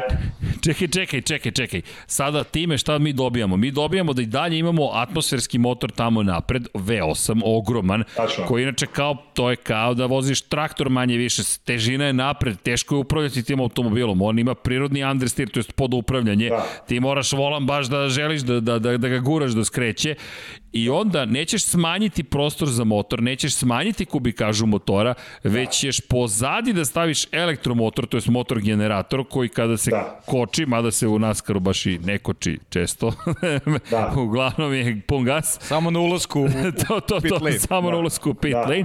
Ti ćeš doći do toga da zapravo sada taj motor pojačaš. I to da. će biti još jači automobili. Da, Znači, neće, neće biti wow. gubitak ničega, znači ovaj V8 ostaje, taj zvuk ostaje. Znači, dosta ljudi kada čuju hibrid ili elektronska pomoć, nešto odmah zamisle Formula E ili ono nešto da će biti tiho, ali nije u tome stvari da ovo čekaj, sve što čekaj, ima... Pa, jesi video, jesi video facu, jesi video lice Boži, evo, na Formulu E? E. Pa da, pa to je. Pa samo Dobre, ti nemaš jasno. tu facu na Formulu E. Da, mislim, meni je, meni je bilo koja vrsta trkanja interesantna, ali da nema ništa ko taj zvuk auta kada krene. I to, to ti je, to je, naravno, to ti je da. što, što sam, da ono, puca. To, ne, možeš, ja, ne, možeš, ne možeš to sa, sa ovim, ono, da zuji nešto, ne možeš, taj, ne možeš to, ta osjećaj da preneseš. To je, je da li bio gledalac ili da li bio učesnik, to ti je, znači, smo govorili o pit stops u Daytona kad smo radili. E, znači, to je pitanje, koliko ti da. buka utiče na tebe? Pa imam, imam slušalce, imam zaštitu ispod kacige. Antifori, sve standardno. Da, da, mislim, to imamo zaštitu da možemo da čujemo svoj, ili imamo pri, povezan smo sa radijom, Jasno. ali isto malo da zaštitu, ali opet to čuješ i to je, znači ja, kad uzmem onu zadnju gumu, montiram je, ovaj moj, što za šarafi nazad, on je za šarafi, i tu ti u roku neki te dvije sekunde to što se desi, auto padne i onda stane na gas i onaj recimo ovom Lexusu, ovaj V8, to kad krene, kad zašla je dragume i ti stojiš tu, taj dim ovako gledaš kako se diže kraj sebe, prvo što si, što si zadovoljan što, si ta, što ste toliko uspješni bili da to uradite i onda drugo te sve zvukove i taj osjećaj i miris i dim, sve odjednom oko tebe čuješ što ti je, znači, ono, ne, ne znam kako da objasnim ta osjećaj, ali to... Pa, pa vrlo je jednostavno, to je kao da si da. otišao u šumu i lepo da. udahneš sve, metan ili da, da. benzin da. ili šta god, da. sa spaljenom gumom i kažeš što je ovo dobar dan i kažeš, ok, danas mogu da idem mirno da spavam, a uši sam jedva zaštitio, ali to da. je to.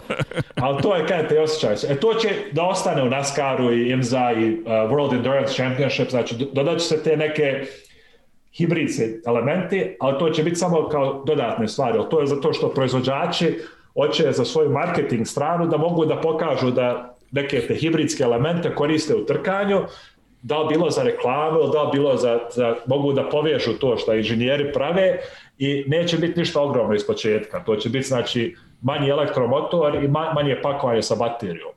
Da. I... A čekaj, ili ostaju iste zapremine motora? Da, V8 još uvijek isti će ostati. V8, da.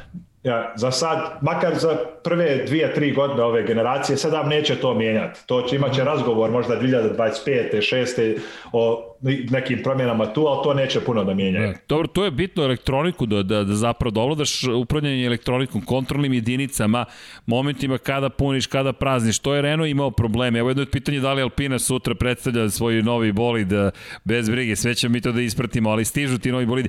Ali Renault se mnogo mučio, sada Alpina, sa zapravo programiranjem softvera kada je harvesting kada ti pališ generator, kada ga pretvaraš u motor, pogotovo što imaš u formuli, verujem da znaš, ali čisto da ponovimo, imaš dva elektromotora generatora. Jedan je na turbini, na turbokompresoru, pa opet, kada je generator, kada je motor, kada izbegava tu pojavu turbo rupe takozvane i naravno na osovini zadnjoj, to je putem sistema zupčanika, kada je motor daje snagu, a kada na prilikom glavnog kočenja se generiše električna energija i to je to je ono što je što je kompleksno, pogotovo kod Formule 1. Tako da verujem da ovo što ti kažeš zapravo će biti prilika inženjerima da uče na trkanju, jer ne zaboravimo, jedna od suština trkanja tehnoloških jeste da ti u ekstremnoj situaciji radiš nešto. Neće niko od nas 400 na sat voziti automobil, ali ako ti da, na da. tom, u toj situaciji ovladaš nekim, s nečim, nekim stvarima, ti onda imaš tehnologiju koju možeš da upotrebiš sutra u saobraćaju. To, to, je, to je velika stvar, eto čak onaj, ja sad imam, kako radim sa Lexusom, Lexus je dio Toyota, imao sam iskustva da da upozna neke inženjere te iz Toyota i čak što je interesantno za nas ove godine, mi ćemo da imamo vezu sa Joe Gibbs Racing i TRD, Toyota Racing Development, jer, jer Toyota želi da sve te grane njihovog trkanja da imaju razgovore međusobno. I tako sam uspio da upoznam uh, te što su Joe Gibbs i TRD, ima Toyota Research Institute isto. I sad Toyota Research Institute je, oni tu rade istragu za auta koja su na, na ulicama, znači auta što ljudi voze ono, svakodnevno, što nisu trkača auta, ali sve što mi radimo u trkanju, sve te informacije kupe i traže, traže uglove da iskoriste to da naprave ova auta na ulicama bolje. I sada su uzeli Toyota Supra, i napravili Toyota Supra drift, drift car, znači drift car imaju ovaj Toyota Research Institute bez vozača, i uzeli su driftere da dođu da treniraju kompjuter u tom autu kako da drifta i sada to koriste da naprave bolji softver ovim autima što su na ulicama, kada ta auta recimo nalete na led ili na, na, na poplavu, nešto tako, gdje gube kontrolu, ali koriste logiku što su kompjutere naučili od driftera, kako da auto što se, što se onaj klizi, kako da ga isprave opet. Mislim, to je, meni to je toliko interesantno bilo da vidim i da, da, da, ono, da vidim kako to funkcioniše sve, ali od driftera kombi koji vozi porodicu sad je sigurniji malo na putu, zato što zna kompjuter u njemu kako da poravna kočnice kad klizi. Jasno. Vidi, to je fenomenalno. Mi imamo osmeh na licu tehnologije kad je tako poslije. E, ali čekaj, prošle godine smo gledali i NASCAR u, u, u digitalnom izdanju. Trke NASCAR krajnje ozbiljne, a i NASCAR je vrlo ozbiljna platforma. Jesi, jesi da. se bavio i time? Jesi gledao kako to funkcioniše? To je ipak nešto zaista fenomenalno. Pratio sam, pratio sam to i do, dosta su interesantnih stvari uradili tu i to će dosta da koriste ove sezone. Znači sada kako nema kvalifikacija, koristit će te iRacing digitalne trke da popune to vrijeme gdje bi bili inače da, global da. kvalifikacije.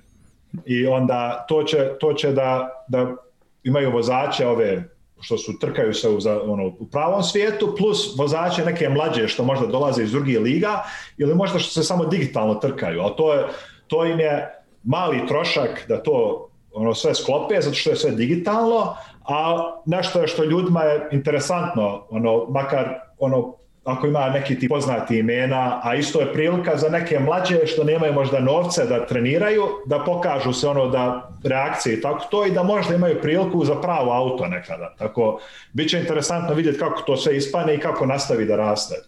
A neće biti kvalifikacija ni, ni sad, ni ove sezone, makar, makar na početku tako zbog ovih COVID pravila. Bi, da, biće, biće kvalifikacije sad u Daytoni. Biće u Daytoni, i biće, da. da. I biće kvalifikacije, trenutno su najavili da će biti kvalifikacija, mislim, za 8 ili 9 trka. A osim toga, bit će 28 ili 7, ne znam, trka bez kvalifikacija. Isto kao prošle godine, znači samo jedan dan i to je to. Biće poredače i po formuli i to je to. Za određene trke, za Daytonu, Coca-Cola u Charlotteu bit će kvalifikacije, Bristol će biti kvalifikacije, ima, ima lista negdje ovde, neki dan su izbacili, ali mislim da je 8 ili 9 trka gdje će biti kvalifikacija, ostalo sve bez kvalifikacija. E, ima nekih pitanja, ima dosta pitanja, Dejan Andrić pogotovo te pozdravlja puno i neka pitanja koja su nama interesantna ovde, ovde u Evropi pogotovo. Uh, da li razmišljaju organizatori o smanjenju trajanja trke i uvođenja možda da NASCAR više ne bude na klasičnim trkaškim stazama, možda i prilikom kišnih uslova da voze na kišnim gumama? Da li ima tu nekih, nekih priča? Bilo je, bilo je razgovora o skraćivanju trka i to možda se desi. Znači sad, ove godine šta se bude dešavalo, bit će možda neki probni stvari, ali ja ne bih očekivao puno promjena, zato što je uvijek ovo staro auto, stara pravila. E, sljedeće godine će biti interesantnih stvari. Prvo, što se tiče promjena, ja očekivam da će biti više ovi road course vrsta staze umjesto mhm. ovalni, zato što ovo auto je više prema, ovaj, generacija 7 je više prema tome usmjereno. I, kako sam čuo od nekih kolega, ima mogućnost da bude gradska staza. Znači, ko što mi se trkamo u Long Ok, Beach ili, sjajno, ili da. možda, možda u New Yorku ili negdje tako, da, da će možda u naredni dvije, tri godine da bude NASCAR trka na gradskoj stazi. St. E. Pete ili tako nešto? Da, da, neka tako staza, sad tu ima razgovore. A ovo što tiče ove godine, ovaj Bristol Dirt, ovaj, trka su ubacili samo tako zato što to je više što su ovi TV producenti traže nešto drugačije i imaju ova auta što neće više koristiti, tako nije im veliki trošak da nešto probaju, ono čudno.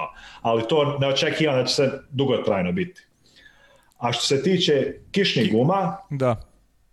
to je a, ove gradske staze i course staze uvijek će biti ono kišne gume. Znači course staze uvijek imaju kišne gume za to, ali na ovalima, pogotovo u ovalima gdje je velika brzina, nije, nije moguće uh, u, sklopiti kišne gume za neki budžet gdje je skroman. Znači, toliko su različite gume, znači ovi ovali, ono, ko ne poznaje to, ove gume, glatke gume za suvu vrstu, ima za ovale, imaju, mislim, 26 ili 28 vrsta guma. Znači, toliko su različite staze i toliko su različiti pritisci ti na tim gumama, zavisno koji je nagib staze i, i koja je dužina, da ima dosta različiti. E, ove staze što su manje, što su kraće, što nemaju veliki nagib, tu bi možda mogli napraviti neki dizajn kišnih guma, recimo kao Martinsville. Ali tu bi morali, to bi bile milioni, milioni dolara da jednu gumu samo urade dizajn za jednu stazu. E sad zamisli to puta 20 staza. I nije im se, nije im se ono, i od tih 20 pola vjerovatno ne bi moglo funkcionisati. Znači recimo Talladega i Daytona na ovalu koje su brzine, moralo bi da uspore ih za 50-60 km na sat da bi uopšte mogli da koriste kišne gume, zato kako se voda slijeva na ovalu, onaj, da, da, da budu faktički na istim brzinama kao što mi budemo kad je Rolex, kad se road course trkava. I moralo bi dosta stvari da promijene da bi koristili te kišne gume i to bi bile milioni, milioni dolara uloženo da možda koriste te gume dva, tri puta godišnje. A Boži, koliki je gubitak? Sad se setio, recimo imali smo prošle sezone, sad sam zaboravio tačno koja trka, da li je Pokono bio, da se vozio u 4-5 dana, ako se sećaš. Da je konstantno padala kiša, da su po ceo Da. dan ljudi bili na stazi, da se čekalo, čekalo, čekalo i tek četvrtog, ja sad zaboravio, da li četvrti ili peti dan, tek se onda vozila trka.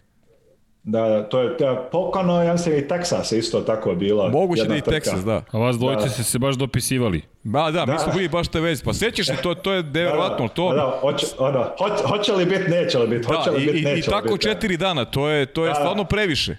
Da, da, pa to su veliki gubici i to, mislim, tada su velike priče oko toga počeli. I tu su bile neki iz NASCAR-a i neki sa timova i čak inženjeri iz Goodyeara. I znam, znam ovu jednu djevojku što je baš posebni inženjer za NASCAR gume u Goodyearu. Ja sam baš sa njom tada razgovarao i, i do, tada sam došao do ovih informacija. I ona mi je, ona mi je objasnila tako koliko oni istrage rade i koji su to tereti na gume. I recimo te staze kao Pocono, Dover i ove velike neke staze, ona kaže da ima vrlo mala mogućnost da bi uopšte mogli da naprave dizajn da može da izdrži tu tečnost. Mm -hmm. Ona na stazi da, da auta se ne, ne, ne, ne klize sa staze. I onda kaže to je, ili bi moralo da toliko ih uspore da ne bi bilo zanimljivo da, da ono, neki da brzina umanje za 50, 60, 80 km na sat, da, da bi bili dovoljno stabilni da, da ne klize se sa staze. I onda to sve kad sračunaju, ipak ti gubici i to sve što moraju se ti i, i troškovi za timove da budu tu, opet, opet se sračuna u plusu nego da, da pokušavaju ove druge stvari. A, A jel, kako- jel to... da. Kako To- se kreće bu, budžeti, Boži? Od recimo najboljeg do, do najslabijeg tima, ajde da, da uzemo neki, neku srednju vrednost recimo, ajde, ne znam koliko si upućen, ka, koliko recimo, koliki budžet ima recimo Joe Gibbs Racing uh, tim? To je, ovi veliki timovi, zavisno od tima do tima, ali ovi, recimo, ovi prvi deset, znači ako imaju priliku da završavaju prvi deset imaju nekoliko auta, njima je od 25 do 40 miliona po autu godišnji budžet. Po, po automobilu. Ja, da, da. Znači ovo auto, recimo tako, ti, ti timovi što imaju po četiri Kajla auta... što Buša su- recimo automobil, znači između 25, 25 i 40 miliona. Da, tačno je. To su znači svi troškovi sa ekipama i sve i dijelovima, inženjerima i sve to. Recimo Joe Gibbs, sad, iako su neki ljudi već otpušteni, oni imaju i sad imaju mislim oko 600 radnika. Što je ono ogromno za neki 600 zaposlenih. Neverovatno, da. da. da. Fantastično. I, Joe Gibbs, izvini, impresivna brojka. čovjek koji je osvajao titulu u NFL-u sa Washington, da, u to vreme da. Redskinsima, pa sad osvaja titulu na NASCAR-u, potpuno nestvoran Nestvarno, da. čovek. Da, da, to je e, inače, čudo. samo da vam ubacim informaciju, pazi ovo, Pre 10 minuta je izašlo na Motorsport Week, bukvalno pre 10 minuta, Davey Wema piše Albuquerque, malo pre spomenuti čovjek koji je pobedio na 24 časa Ditone, prošle godine u LMP2 kategoriji 24 šta, časa Limana. Milja, šta? Ne, ne, slušaj ovo, dobio je dobio je predsedničku nagradu u Portugaliji za zasluge za uspeh u sportu. Sjajno. Koliko je važno to što je da. postigao. Potpuno fenomenalno. fenomenalno. Inače čovjek koji je pobedio i u svetskom prvenstvu u izdržljivosti u LMP2 klasi i bio najbolji evropskoj Le Mans kategoriji. Pa eto, lepe vesti, to čisto da eto, da. napomenemo u, u koje je to društvo i kakvim mi trkama govorimo. Tako je. Da, da, to je, to je mislim, skroz cool tako vidjeti neke stvari, koliko, koliko je to značajno za, za, za, ono, za, za ljude i za, da, za učesnike i to sve. E da, i da napomenem, e, izvini, lepljiva traka. Moramo da spomenemo. Boži, to je nama apsolutno najbolja stvar koja postoji u Naskaru. Kada uđe automobil taj ko, za koji se potroše sve te pare, svi inženjeri, sve, sve super, i onda dođe... To, A i Čekić malo. I onda dođe odjednom kolega na kolegu, vratiš se u garažu, a ono, nema prednjeg dijela, ulubljenje, onda čekić, bum, bum, bum, bum, bum, lepljiva da, da. traka, krk, zalepiš i kažeš, dobra ajde, ti aerodinamika, ajde, evo, SpaceX da, da. inženjer ti je to sredio, čekić. Da, da. E, to, to je interesantno, to im isto koristimo. Znači, ta traka se zove Bear Bond. I, I mi koristimo, znači kod nas ova, recimo ova auta GT3 su sve to carbon fiber, Kevlar, znači to su sve savremene vrste materijala, što, znači mi auto vozimo u wind tunnelu ovde u Mooresville, North Carolina, svaka se mala caka mjeri, to se šteluje, inženjeri prate, a onda desi se tako nešto gdje je šteta i onda lijepi bear band i, i pa zamotava i radi ono kako može šta može. I to je, to je, to je, to je ono naj, najinteresantnije. lepi, sređuju i samo je bitno da se nastavi da. trka. Ali to je, to je nama uvek lepota. Evo imamo i ovde neke delove, ne, neke kolege su to malo divljale, ali nema veze, lepljiva traka sve popravila sve u studiju. Rešava. Sve rešava da. lepljiva ali, traka. Ali najinteresantnije, što recimo što tiče Naskara, što su bilo jedno vrijeme, možda oko 2014. 2015. gdje su inženjeri to namjerno radili. Znači nisu mogli u pravilima nešto da urade, što se tiče recimo side force, kako da obiluju u strancu auta i onda su skontali da tokom pit stopa mogu istrenirati ove što menjaju gume, da naprave štetu na auto, da savije metal određen, određen pravac, da mogu da dobiju bolji side force. I to je bilo to. 2014. ili 2015. A, a, Kasalauski, njegov nosač guma, su ufatili ga zato, su ga pratili i vidjeli su, znači, ono, ostavili su malu oznaku, skroz malu na autu gdje treba da udari. I on nosi gumu i ono kao zapne zapne i kako zapne onda ramenom nabije tu tačku na auto i stavio si kako nabije, ko, to, to je kod da je neko uzeo ono fino čekićom ga iskusu, ono samo uleti komad lima unutra i, kad izađe odmah tri četvrtine sekunde je brži kad ulazi u, u, u ona, da, da, da, da Fantastično, sjajno. A to ti je, to ti je, to ti je što ti govorim, zato, zato SpaceX i ovi dolaze da te inženjere kupe, znači neki inženjere skonto da ne može to u pravilima da uradi, a skonto je da može da ovaj ovde ako ramenom udari u jedan dio auta, da će drugi jedan dio da savije i da će bolje zrak da prolazi kraj strane auta. To je, mislim, to, takve stvari. Čekaj, to neko da kaže mehaničarima bilo koje ekipe Formule 1. Sapleteš se malo, čukneš i bit će to bolje. Ali, da. ali fenomenalna priča. A, izvini da te pitam, a da li, u, nešto, dobili smo ovde Vanja, settings nam se pojavio, ne, ne, ne, nadam se da nije u prenosu. U svakom slučaju, činjenica je da, da, da je Formula 1 nešto što ljudi zanima. Pratiš Formulu 1 samo, iz tvoje perspektive? Da, Da, mislim, to prati mene, ono, Formula 1, to je vrh, ono, trkanja i to uvijek interesantno, mislim, i to je, ono, i ovde čak je, ono, to je, buđenje u 3 ujutru, u 4 ujutru, zavisno gdje se trkaju, da, da mogu da pratim trku ili da mogu da pratim trening ili kvalifikacije. To je, meni je, meni je najinteresantniji dio Formula 1 u zadnje vrijeme su kvalifikacije, zato što to je ono baš kako ide i šta se dešava i ko šta Jeste, pokušava i male cake. Ono. Vamo što se tiče a, Formula 1 i trke, ono poznaje se koji su, koje su najjači timovi, koji su najjači vozači, šta mogu da uspiju. Mislim, ono što tiče recimo Hamiltona i Mercedesa i tako, to ima neke stvari koje su očekivane, ali isto interesantno pratiti sada koliko su to uspješni, znači ono, razumijeći šta se dešava u tom sportu i u timovima, šta sve treba da se sklopi zajedno da ima se jedan uspjeh kao što Hamilton i Mercedes imaju. I, i to je, mislim, ono, koja, koji, koji je to nivo i, i, i kako to sve funkcioniše, mislim, to je baš, I, ono, obožavam Kakav je tvoj utisak i, i pogled na, na ono što je postigao Lewis Hamilton zajedno sa Mercedesom, pa i ova priča sad oko ugovora, čekanje do poslednjeg časa praktično se potpiše, produži ugovor. To, govorimo o sedmostrokom svetskom šampionu, čovjeku koji ima najviše pobjeda u istoriji Formule da. 1.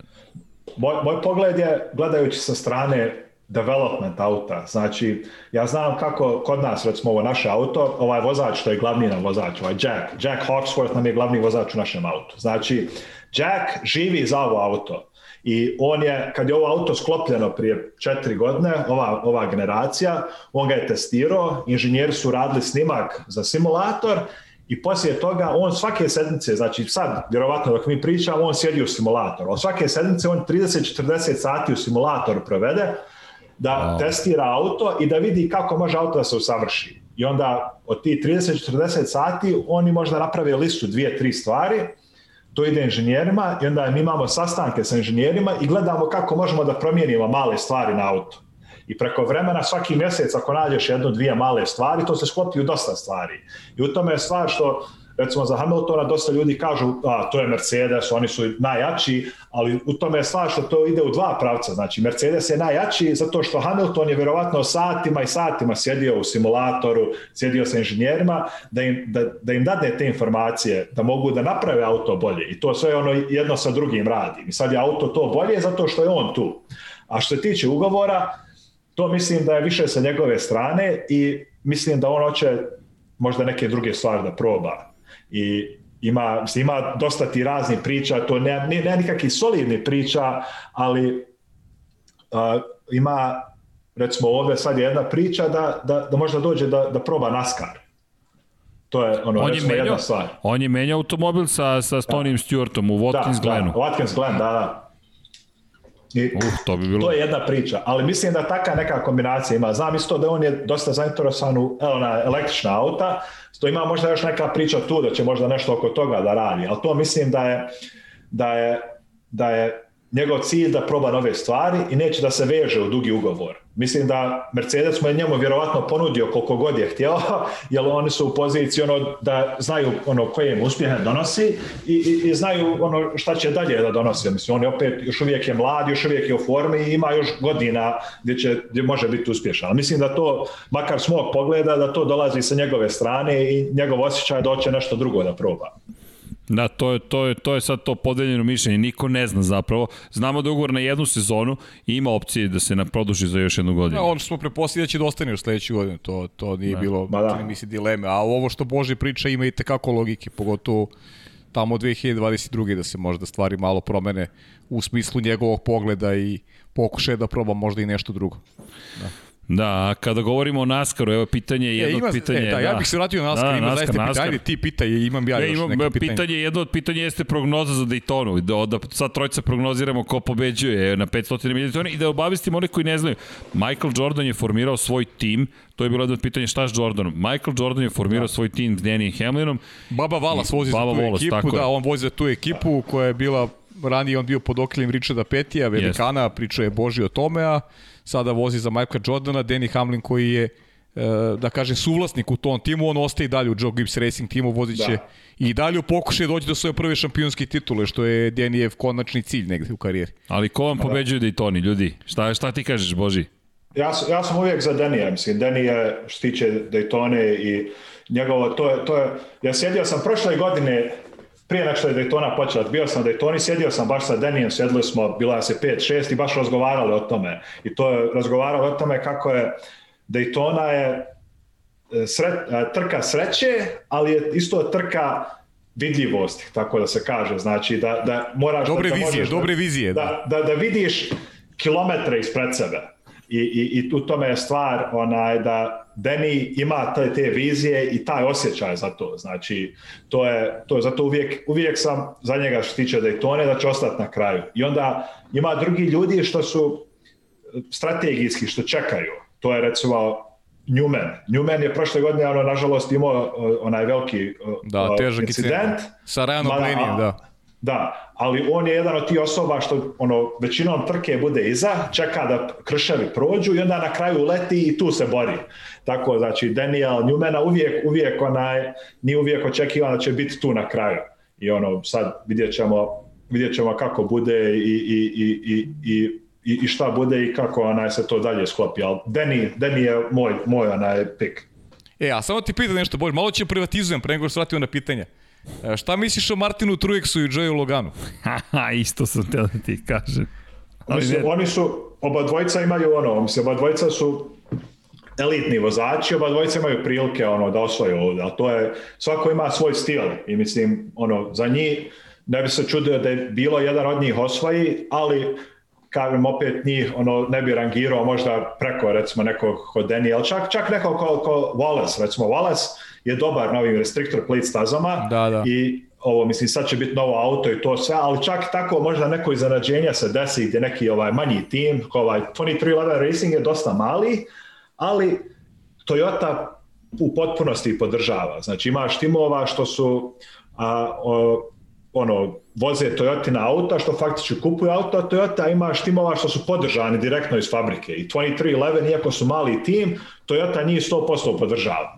I to mislim, znači oni, oni već sredstva dobivaju, poznajem čak neke inženjere tamo i to, to mi je sad interesantno ispalo s ovim Lexusom, jer Toyota Racing Development TRD je preko nas sviju, znači oni održavaju naš program za Lexuse i održavaju Toyota u NASCAR i ovde im je sedište u Sjevernoj Karolini. Tako imao sam priliku da, što kaže, vidim iza paravana gdje taj testing se dešava, simulator i to sve i da vidim koliko baš oni ulažu i, i koje, koja sredstva dolaze za to sve i to je, mislim, nevjerovatno koliko, koliko onaj, pokušavaju da unaprijede svoje timove. Tako čak i tako neki timovi, recimo, Wallace prošle godine sa a, ovaj, onaj Richard Petty Motorsports je ono možda imao priliku, ali nije imao, nisu imali direkt podržavanje od Chevroleta. Oni su bili kao mošterija više od Chevroleta. Ove godine sa 2311 on ima Camry, ima direkt podržavanje od Toyota. Znači imaju faktički imaju dosta sredstva ako što Gibbs ima iako su poseban tim. Kao da su fabrička ekipa. Da, ovo su sjajne da. informacije i nama bitne za Pa do, Baba Volas je čak i onoj prvoj trci u karijeri u Naskaru bio drugi u Daytoni. To je ono da. što ti kažeš da je da ima vozača koji im odgovaraju takve staze. Pa recimo Ricky Stenhouse junior takođe odgovaraju ovakve staze. E, ali, izvini pa da napomenemo, Bože, samo da znaš, mi od 2015. prenosimo Naskar i imali smo uvodne trke Uvodne trke, čak one uvodne trke kada je Kyle Busch slomio ruku, ni manje, ni više. Da, nogu, da, da. nogu, nogu, nogu, kada je slomio. Kleš trka, da. Čuvena. Pa da. da. I nas dvojica gledamo i još tek tek počinjemo da prenosimo. Nemamo mnogo sebi, znanja realno da, da, o tome. Da, da, tek učimo. I ovako gledamo i kao, ok, ajde ovde, pošto nije za koga ne navijam u Moto Grand Prix, to jest pa je u Moto Grand Prix, da, ja ne navijam ni za koga, ni u Moto Grand Prix, ni u Formula 1, kaže, kažemo jednom drugom, ajmo ovde da izaberemo nekoga, da se vežeš ličnije malo za nekog vozača. Da, da. Ko, koga si izabrao? Ja izaberem Logana, a Srđan Martina Truex. Martin Truex. I eto, osvojili, osvojili smo titule, pazi. Titul, znaš. Da, so, so, solidan izbor. Solidan da, izbor. Solidan, solidan. Možda da. nije najbolji ovako na papiru, ali smo nas dvojice verovali da. jednog i drugog. Znaš šta te pitaju ljudi? Evo, Dejan Andrić te pita za, za Harvika. Kaže, da. prošle godine je bio sjajan u regularnom delu, nije ušao u veliko finale, da li može ušao u 50. godinu života, da li može do šampionske titule? Može, da 100%. Znam, znam, on je, mislim, kao vozač je baš ona, još uvijek je u, u, u, na svom nivou, još uvijek je ona elitni vozač i kakav trening radi, samo ono ko atletski trening i to sve, ali znam isto dosta inženjera, dosta mehaničara, fabrikatora u Stuart Haas Racing što rade i koliko oni ulažu u taj program i, i on je, Harvik je prvo kao, kao lider tamo, znači on je lider ne samo vozača, već lider čitave organizacije Znači, on je, i, on je još na tom nivou da, da može da, da pobjeđuje dan kroz dan i drugi vozači, u Haas i drugi vozači generalno NASCAR još na njega se gledaju. I to je, znači, isto kao prošle godine, ja očekivam Harvika i Hemlina i tako to, da budu velike borbe tu tokom godine i, i da bude tu svašta interesantnih dešavanja. E, a Boži, šta je sa Jimmy Haasom?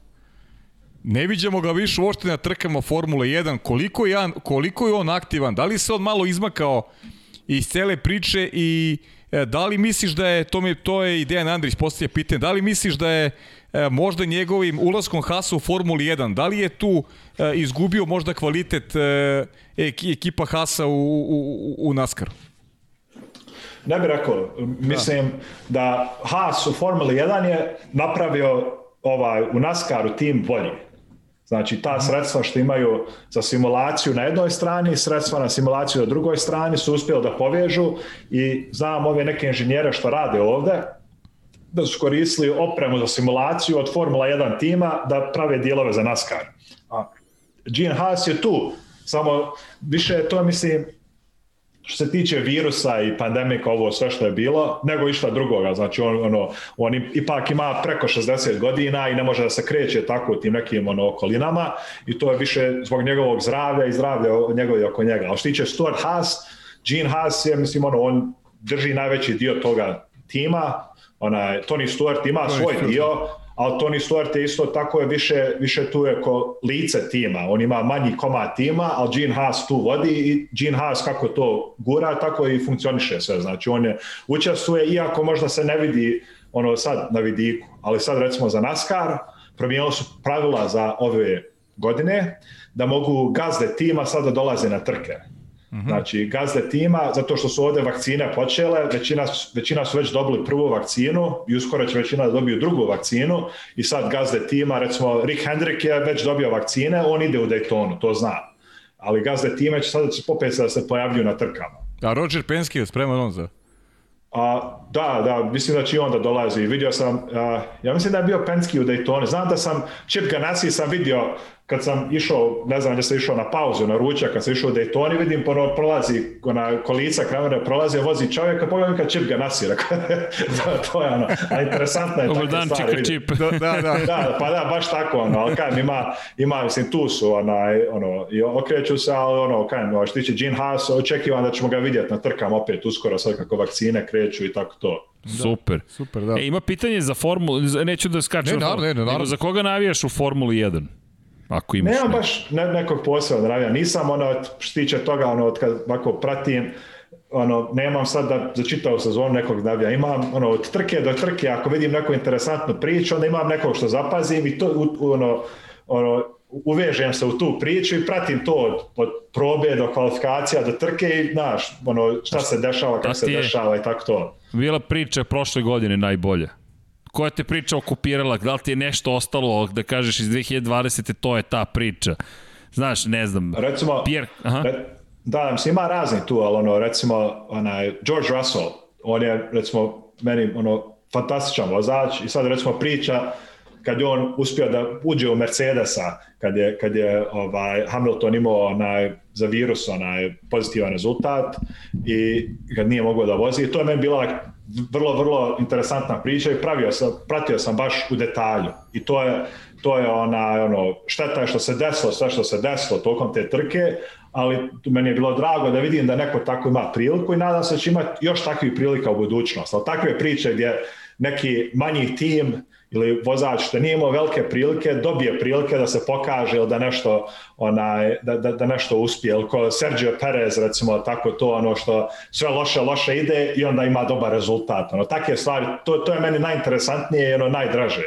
A isto tako, mislim, i velike priče za nekog ko Hamiltona, što dosta ljudi se naviklo da vidi da on pobjeđuje, ali isto tako meni je interesantno da vidim kad dođe da do nekog cilja, recimo da, da ima, da do neki uh, pobjeda što ima neki recimo Schumacher i neka ogromna imena da on stigne tu, to je isto meni interesantno zato što mi to doživljavamo uživo, nije nešto što smo čitali da se desilo prije 10 godina, već uživo, vidi, uživo vidimo tu trku gdje dolazi on do ti neki rekorda i ti neki uspija, što tako sve ima, ima sve, svoje cake, ali interesantno je da te sve priče se sklope. Da, ima pitanje i za Moto Grand Prix, za svetski šampionat u reliju, da li pratiš i šta misliš, ajde, o VRC-u, ali ja te da te pitam i za Moto Grand Prix, da li uopšte, da li te te forme takmičenja uopšte okupiraju, da li baciš pogled ili Ne. Pratim, pratim ono generalno, mislim, ono, ne, ne pratim u detalje sad da znam neke brojke, da znam ono, baš tačno Jasno. ko kada vodi, ali pratim onaj MotoGP i čak ovdje ima Moto America, znači ova američka liga ima što na motorima, Da, se trkaju, ja, znači ovaj a, VIR što ima, što je ovdje sat vremena od mene, tu se trkaju i to je, kad god se tu trkaju pokušavam da odem da vidim i to je meni, motori su meni veliko čudo šta ti ljudi rade i kako to rade. Znači, ono, u auto ipak imaš i, i od, od formule i ono bolidi i od ovih zatvorene auta imaš koliko toliko oko sebe zaštite kao vozač. Ali oni na motorima, ja gledam ovde prošle godine, pretprošle godine, kad sam bio ovaj VIR, Moto Amerika se trka, kiša je udarila velika. I ima ovaj, ova druga krivina, Znači ovde ima, ovo ti, ovde ti je početak i ovde kad skreću iz ove druge krivine, ova velika opuka džamotaju i sad je ovde ti ova treća krivina. I oni idu punom brzinom tu, ona kiša pada, udara punom brzinom tu i gledaju im, bore se tu, ali toliko su lokve velike da dižu se motori na vode. I onda vidiš, neki uspiju da prođu, nekima se motor samo savije na stranu i preko trave idu. I to je, i to je meni toliko čudo bilo, motor klizi preko mokre trave, on trči za njim, ono valja se, diže motor, pokuša da ga upali, upali, opet skače na motor i je to sve ono nevjerovatno toliko da ono, ja bi ono očekivao tu ono, polomio se sad, išao si ne znam 120 km na sat, valio se po zemlji i pališ motor, pokušavaš da se vratiš u tu situaciju opet.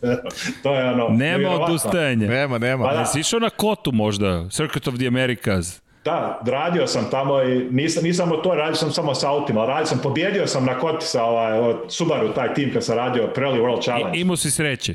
Da, da, pa ja, ponekad bude sreće. Da, da. Ima, Ne, ne, ima mnogo sreće, ima znaš, mnogo si primetio, sreće, si da. primetio, da. da, da, ma, malo pomalo, šta će? Vidi, ne, ali ako kada se normalizuju stvari, pa MotoGP, moramo da dođemo mi u tu kotu, a i kad budeš Da, da, dolazi u da. Evropu, kad se normalizuju stvari, da, da ti malo iza kulisa, da, da pokažemo da, kako, kako to izgleda, da ti pokažemo taj deo priče, ti ćeš nama iza kulisa kod tebe, Da. ali MotoGP tu možemo da neke stvari uradimo. I, Da, inače ima to, pitanje... To bi volio više. Da. Vidi, bit ćeš nam rado gost.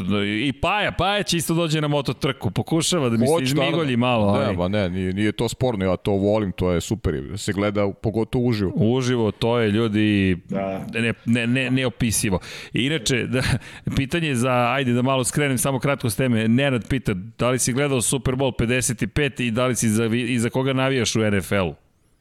A, gledao sam, ali nemam baš posebno tim što navijam NFL. Gledao sam ono što tiče futbala američkog, pratim pomalo, ali nisam nikad detaljno pratio. Više sam pratio ono da vidim samo recimo neko ko Tom Brady ono kakav može uspjeh da ima i to je isto, ista, ista priča ko sa Hamiltonom ili ko Jimmy Johnson ili neko tako što je ono neko Istorija uživo. što, da, što, da vidiš to baš, da, da, da, ono, da budeš svjedok toga šta se dešava, šta je neko toliki uspjeh imao. Da. I onda ovdje je interesantno uvijek Super Bowl za reklame, zato što najveće reklame čitave godine se prodavaju tokom Super Bowla. Tako uvijek ima ono, interesantnih stvari da se vidi, tako od sporta pa do, do, onaj, do, do reklama je ono interesantno za pratiti. Ovako, tokom godine, što tiče futbala, nemam ono poseban tim za navijam. Panthersi, zato što su ovde, Panthersi su ono uvijek... Da, Charlotte, molim te. Pa da, da, ali ono, nisam, nisam sad neki strogi fan, ali to je ovde uvijek super ono, sa kolegama, kad se mogne opet po kafanama hodati, tako to, sjest u kafanu nedeljom, ono, u baštu, Panthers igraju kogod, popit piće i pratiti ono utakmice. To, to, takav sam fan. Dobro, američkog. bili ste u Super Bowlu pre pet godina. Da, Cam Newton da. i kompanija. Da, da, ali eto sad, sad, sad malo slabije, ali vidjet ćemo kako bude uskoro. Da, da, polako. Jedno, jedno po jedno. Ajde sad da, ispoštimo malo još jedno pitanje Bogdana Lukića, pošto pita stalno, pa kaže šta misliš sadašnjim gumama u NASCAR imali iskustva sa ostalim proizvođačima i jesu li bolji? Gume su, gume su prilično savršene. Sada će biti, a, velika priča će sada biti s ovim novim felgama, zato što idu se 15 inča felga na 18 inča felge i morat će drugačije malo formule da naprave, zato što a, a, koliko su gume tvrde se mijenja, koliko je sidewall, znači stranica gume koliko je visoka. Plus, sa ova generacija 7 ne mogu više koristiti što zovu inner liner, znači sad imaju na nekim stazama imaju vanjsku gumu, imaju unutrašnju gumu ali ove nove gume su toliko kratke da onaj neće više moći stati ta unutrašnja guma. Tako bit će dosta promjena u tehnologiji što tiče toga, ali ja sam koristio gume, te Goodyear trkače gume, koristio sam Hoosier, Michelin, Pirelli, mislim to je, sve su, sve su te gume savremene i svaki imaju svoje različite cake, zavisno od koje staze koristiš, ali Goodyear mislim radi radi onaj dobro na tome i očekiva da će biti dobri rezultati sad s ovom novom gumom. Da, inače imaš pitanje, samo da znaš iz Amerike. Na Twitteru su postavljali pitanja i Aha. samo da nađem koja su bila pitanja. If you don't already know, I think you could explain tire stagger and how the cars can have the handling adjusted during pit stops. Dakle, eto, pitanje je, ukoliko već ne znamo kada objasniš tire stagger i kako se da. mogu promeniti podešavanja automobila tokom stajanja. Da, to pita uh, Neskar Fandom, pita. Pa ne znam kako da. odgovori, da li da odgovori na Pa udriju na oba jezika. Pa ajde, šta oba, da, ne, da, ajde, to šta. Da, da, tako je. Ma da, to, to je, mislim, ono, stagger i adjustment je za handling. Pričali smo već u sportska, znači, ko što mi imamo pritisak u gumana i krilo. Evo, u NASCAR-u je slično, znači, oni ne mogu spoiler, ne mogu mijenjati, zašto to po pravilu ima poziciju svoju. Ali u NASCAR-u mogu mijenjati poziciju uh, spring, znači opruge nazad na amortizeru, prema, to je ako vidite alat što stavljaju u prozor, to mijenjaju pritisak na jednom čošku ili drugom, što mijenja ravnotežu i centar ravnoteže na autu, kako na koju stranu da se naginje. I to je recimo isto sa pritiskom se može mijenjati i kad mijenjaš centar ravnoteže auta, mijenjaš kako auto ulazi kad skreće i to može yes. znači ako hoćeš da, da, da auto bude labavije ili, ono, ili da bude u, bliže da ulazi u krivo, znači understeer ili oversteer možeš kontrolisati sa tim koliko pritiska staviš na pa određen Pa vidimo čoš. kada na krovu za bodu da, i vrte. Da, Tako je. U da, suštini povećavaju to. pritisak ili ga smanjuju. Da, pa ja, to znači na određenom čošku i to ti je, to ti je zove se cross weight. Znači, ne znam kako se, kako se na srpskom kaže, ali cross weight je znači, cross weight je uzmeš od, recimo, od suprotnih čoškova koliko je težina, pritisak i podijeliš sa težinom čitavog auta. I to ti je, znači uvijek ti je cilj da imaš oko 50% cross weight, znači po dijagonali da ti 50% težine ide. Da ti A auto balance. bude Možda je neki balans automobila, ali nije, ba da, to je neki da. popre, poprečni balans ba da, automobila. Da, i to ti je kao 50% da je neutralni i onda poslije toga što skidaš ili dodaješ na jednom čošku, ono ti ono, dodaje, oduzima understeer, oversteer, tako to, kako će se auto ponašati. Evo ima i David Lorengo pita, how did you develop your love of biscuits? i reagiranje ljudi u 2021. godini. A odgovori na, da. Daš, da, da, da ipak razume ljudi kad već gledaju. Da, Da, to, to je ono što smo malo prepričali, bisket, znači Biscuit, oni, to, da. su, da. to, su te, to su te kokifle, hljepčići što su poznate ovde u južnom dijelu Amerike. I Odgovorit ću mi na Dobro, može. Da, to, to, to, je, ma, to, to je bisket ovde. Ja to sam, na Twitteru sam poznat zato što ja obožavam te sandviče, znači to su, to su posebni i ovde su najbolji, u Sjevernoj Karolini su jedni od najboljih, tako sam kod dijete zavolio i onda na Twitteru, Instagramu i tako to raznim ovim mrežama kad god nađem dobar sandvič sa tim biskvitima, ja stavljam slike i dajem moje ocjene. I onda imao sam prošle godine, sam probavao neki, mislim, 20 ili 25 različiti ti biskvita i napravio sam onda, rangirao sam i od najboljeg do najgore. I da ljudi to sad prate i onda kad idu, kad neko, recimo, putuje ovde u blizini, ono šalju mi poruke na Twitteru gdje trebam da idem da probam biskvit. I tako sam onda ono, postao poznat po tome što ljudi me prate ili me prate na Twitteru za auta i trkanje ili me prate za hranu. Dobro, da li postoji još nešto? Sjajno, sjajno. da, da. Tako, dobra kombinacija. A, fa, ali fantazija. Izvijeni, ja se smijem, pošto do, do, dobro zvuči ta kombinacija. Dobro zvuči. Stvarno. Dobro zvuči. Da, Inače... To, to... Kaži, Boži, kaži. Da, to, to, kad dođete u Charlotte, idemo da probamo biskvita. Hoćemo obavisno. Vidi, to smo, se, to smo se dogovorili. Da, i ti moraš da nam dođeš u studiju na kraju univerzuma. Naravno, to si, naravno. To si obećao. Da, čim, čim, čim bude prilika da mogu da putujem tamo, dolazim u posjet. Važi, važi. Sjajno. E, Boži, šta ti je sledeće na plan programu trkački sad? Šta je sledeća trka? A, za mene je Sibring. Sibringa 12 sati, to je a, Mislim da je treći vikend u martu, znam, znam da imamo malo pauzu sada, nisam još, nisam još gledao onaj kad je tačno, ali to će da vidimo, ima, imam, imam raspored ovde negdje, ali onaj, ne vidimo, ima, ja mislim da je treći vikend u martu, to je sljedeća trka s ovim Vassar Sullivan sa Lexus timom i sad ima malo pauzu i onda poslije toga kreće dalje. A sada, I... sada pratim samo kao gledalac sad ovaj, večeras Clash, ovo imamo još sat i 15 minuta do zelene zastave. Taman, misliš da započnemo trku. da, Evo, Vanja da. se već brine, 3 sata trajemo. da, da. I ali, onaj... ali izvini, jedno pitanje. Šta radiš kada nisi na trkama? Čime šta, šta radiš kada ne radiš? Sva, kada ne radiš. Ra, radim svašta. Ja sam uvijek tako volio da radim razne stvari. Radim, radim oko kamiona isto.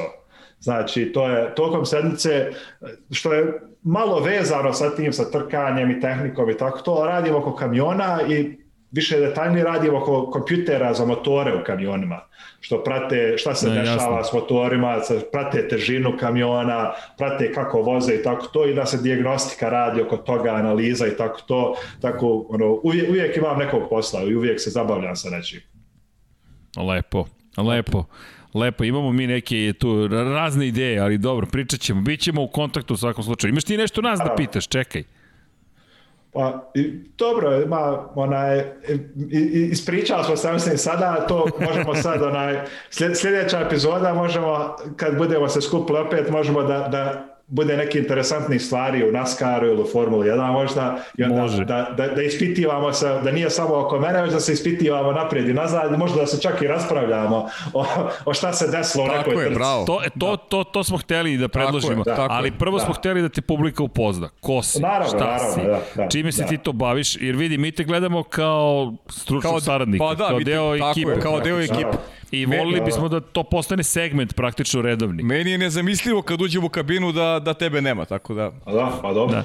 Drago, drago mi je i, i, i, i, onaj, i nadam se da ću imati takih prilika. Tako recimo sada, sad malo da krene još ova koja trka s kojom sezonom, onda možemo da se skupimo i da razgovaramo šta se desilo u 500 miljada i tone, ili šta se desilo u Charlotte ili čak Nadam se da će ove sezone imati prilika da odijem na koju trku, sad razgovaram sa Naskarom da mi dadnu, onaj, da mi dadnu dozvole, čak možda sa neke staze da se čujemo, čekaj, da razgovaramo. Čekaj, čekaj, Boži, čekaj, stani.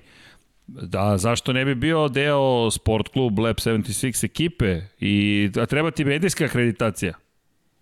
Ima, imam, to imam, samo je sad da li će da puste mediju ne, ali ja sam uvijek sam, uvijek sam onaj drago treba, da sarađujem. Pazi, da, da, ako treba. Ako treba, ako treba tu da. smo, da znaš. Tu smo, da, da, super, ti si super, deo da. ekipe, tako da, da znaš, da. samo se javiš i mi, da. mi imamo televizijska prava imamo prenosa. Imamo pravo, ti možeš dobiješ, možeš to dobiješ preko nas uvek. Da ti citiram to. kolegije iz MotoGP-a, kada je TV u da. pitanju. Svi ostali da. mediji ne plaćaju. Da TV plaća da, da. da prenosi, da, tako da mi da, smo njima klijenti. To, to, to, to možda nije loša ideja. Recimo sada kad smo bili u Daytoni, ovi sve kolege što znam što rade za časopise i tako to, nisu dobili da uđu u garažu ali ovi što su imaju akreditaciju od TV-a su dobili da budu u garaži. A eto vidiš. Može, kako bih ti rekao.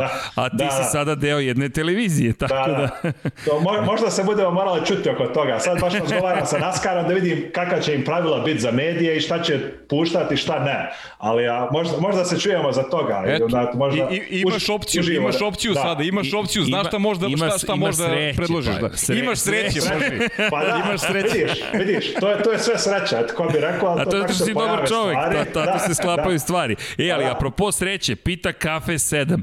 Ako bi mogao da mu daš 7 brojeva, od 7 do 39. super, super. Imam toliko sreće, imam sad ja svoj privatni avion da dođemo da se vidimo. Nije baš toliko velika sreća, ali bliže, bliže. E, da, i za kraj, kaže koliko možeš li Boži da nam kažeš koliko tona M&M bombonice se pojede u toku jedne NASCAR ili IMSA trke? Zavisi koliko je duga trka. Sada smo, onaj, sada smo, imali smo, imali smo svakakih bombonica, ovaj, pojeli smo dosta bombonica i dosta kolača. Ova Rolex trka što je bila, meni je bio neki kolač sa sirom je bio što su imali što je hladni kolač. I to sam, mislim, 8-9 puta sam išao nazad do, do, do friždera da vadim komade tog kolača, ali uvijek ono, pogotovo je duge trke, pokušavaš uvijek da, da, da unosiš nešto, da ti energije daje, pogotovo šećera i tako toga, ono da možeš da, da nastaviš dalje, jer toliko puno potrošiš energije da treba ti. Vidi, jednostavno je, kad god nemaš odgovor na pitanje o brojevima, samo kažeš 76. 76 super, super tona, ideja, pa, eto, to, ti, to je uvek da. odgovor, ne možeš da pogrešiš da. sa tim brojem. Su, super ideja. Boži, šta da ti kažem, hvala ti puno, Hvala ti za vreme. Uživaj večeras u, u, u početku u sezone, u kleš trci. Da, da. Mi smo svakako uživali u ome. Ovo je tek početak, kao što si rekao, da te pozna, super, upoznamo, super, predstavimo. Da. Sad si deo TV ekipe, čućemo se oko akreditacija.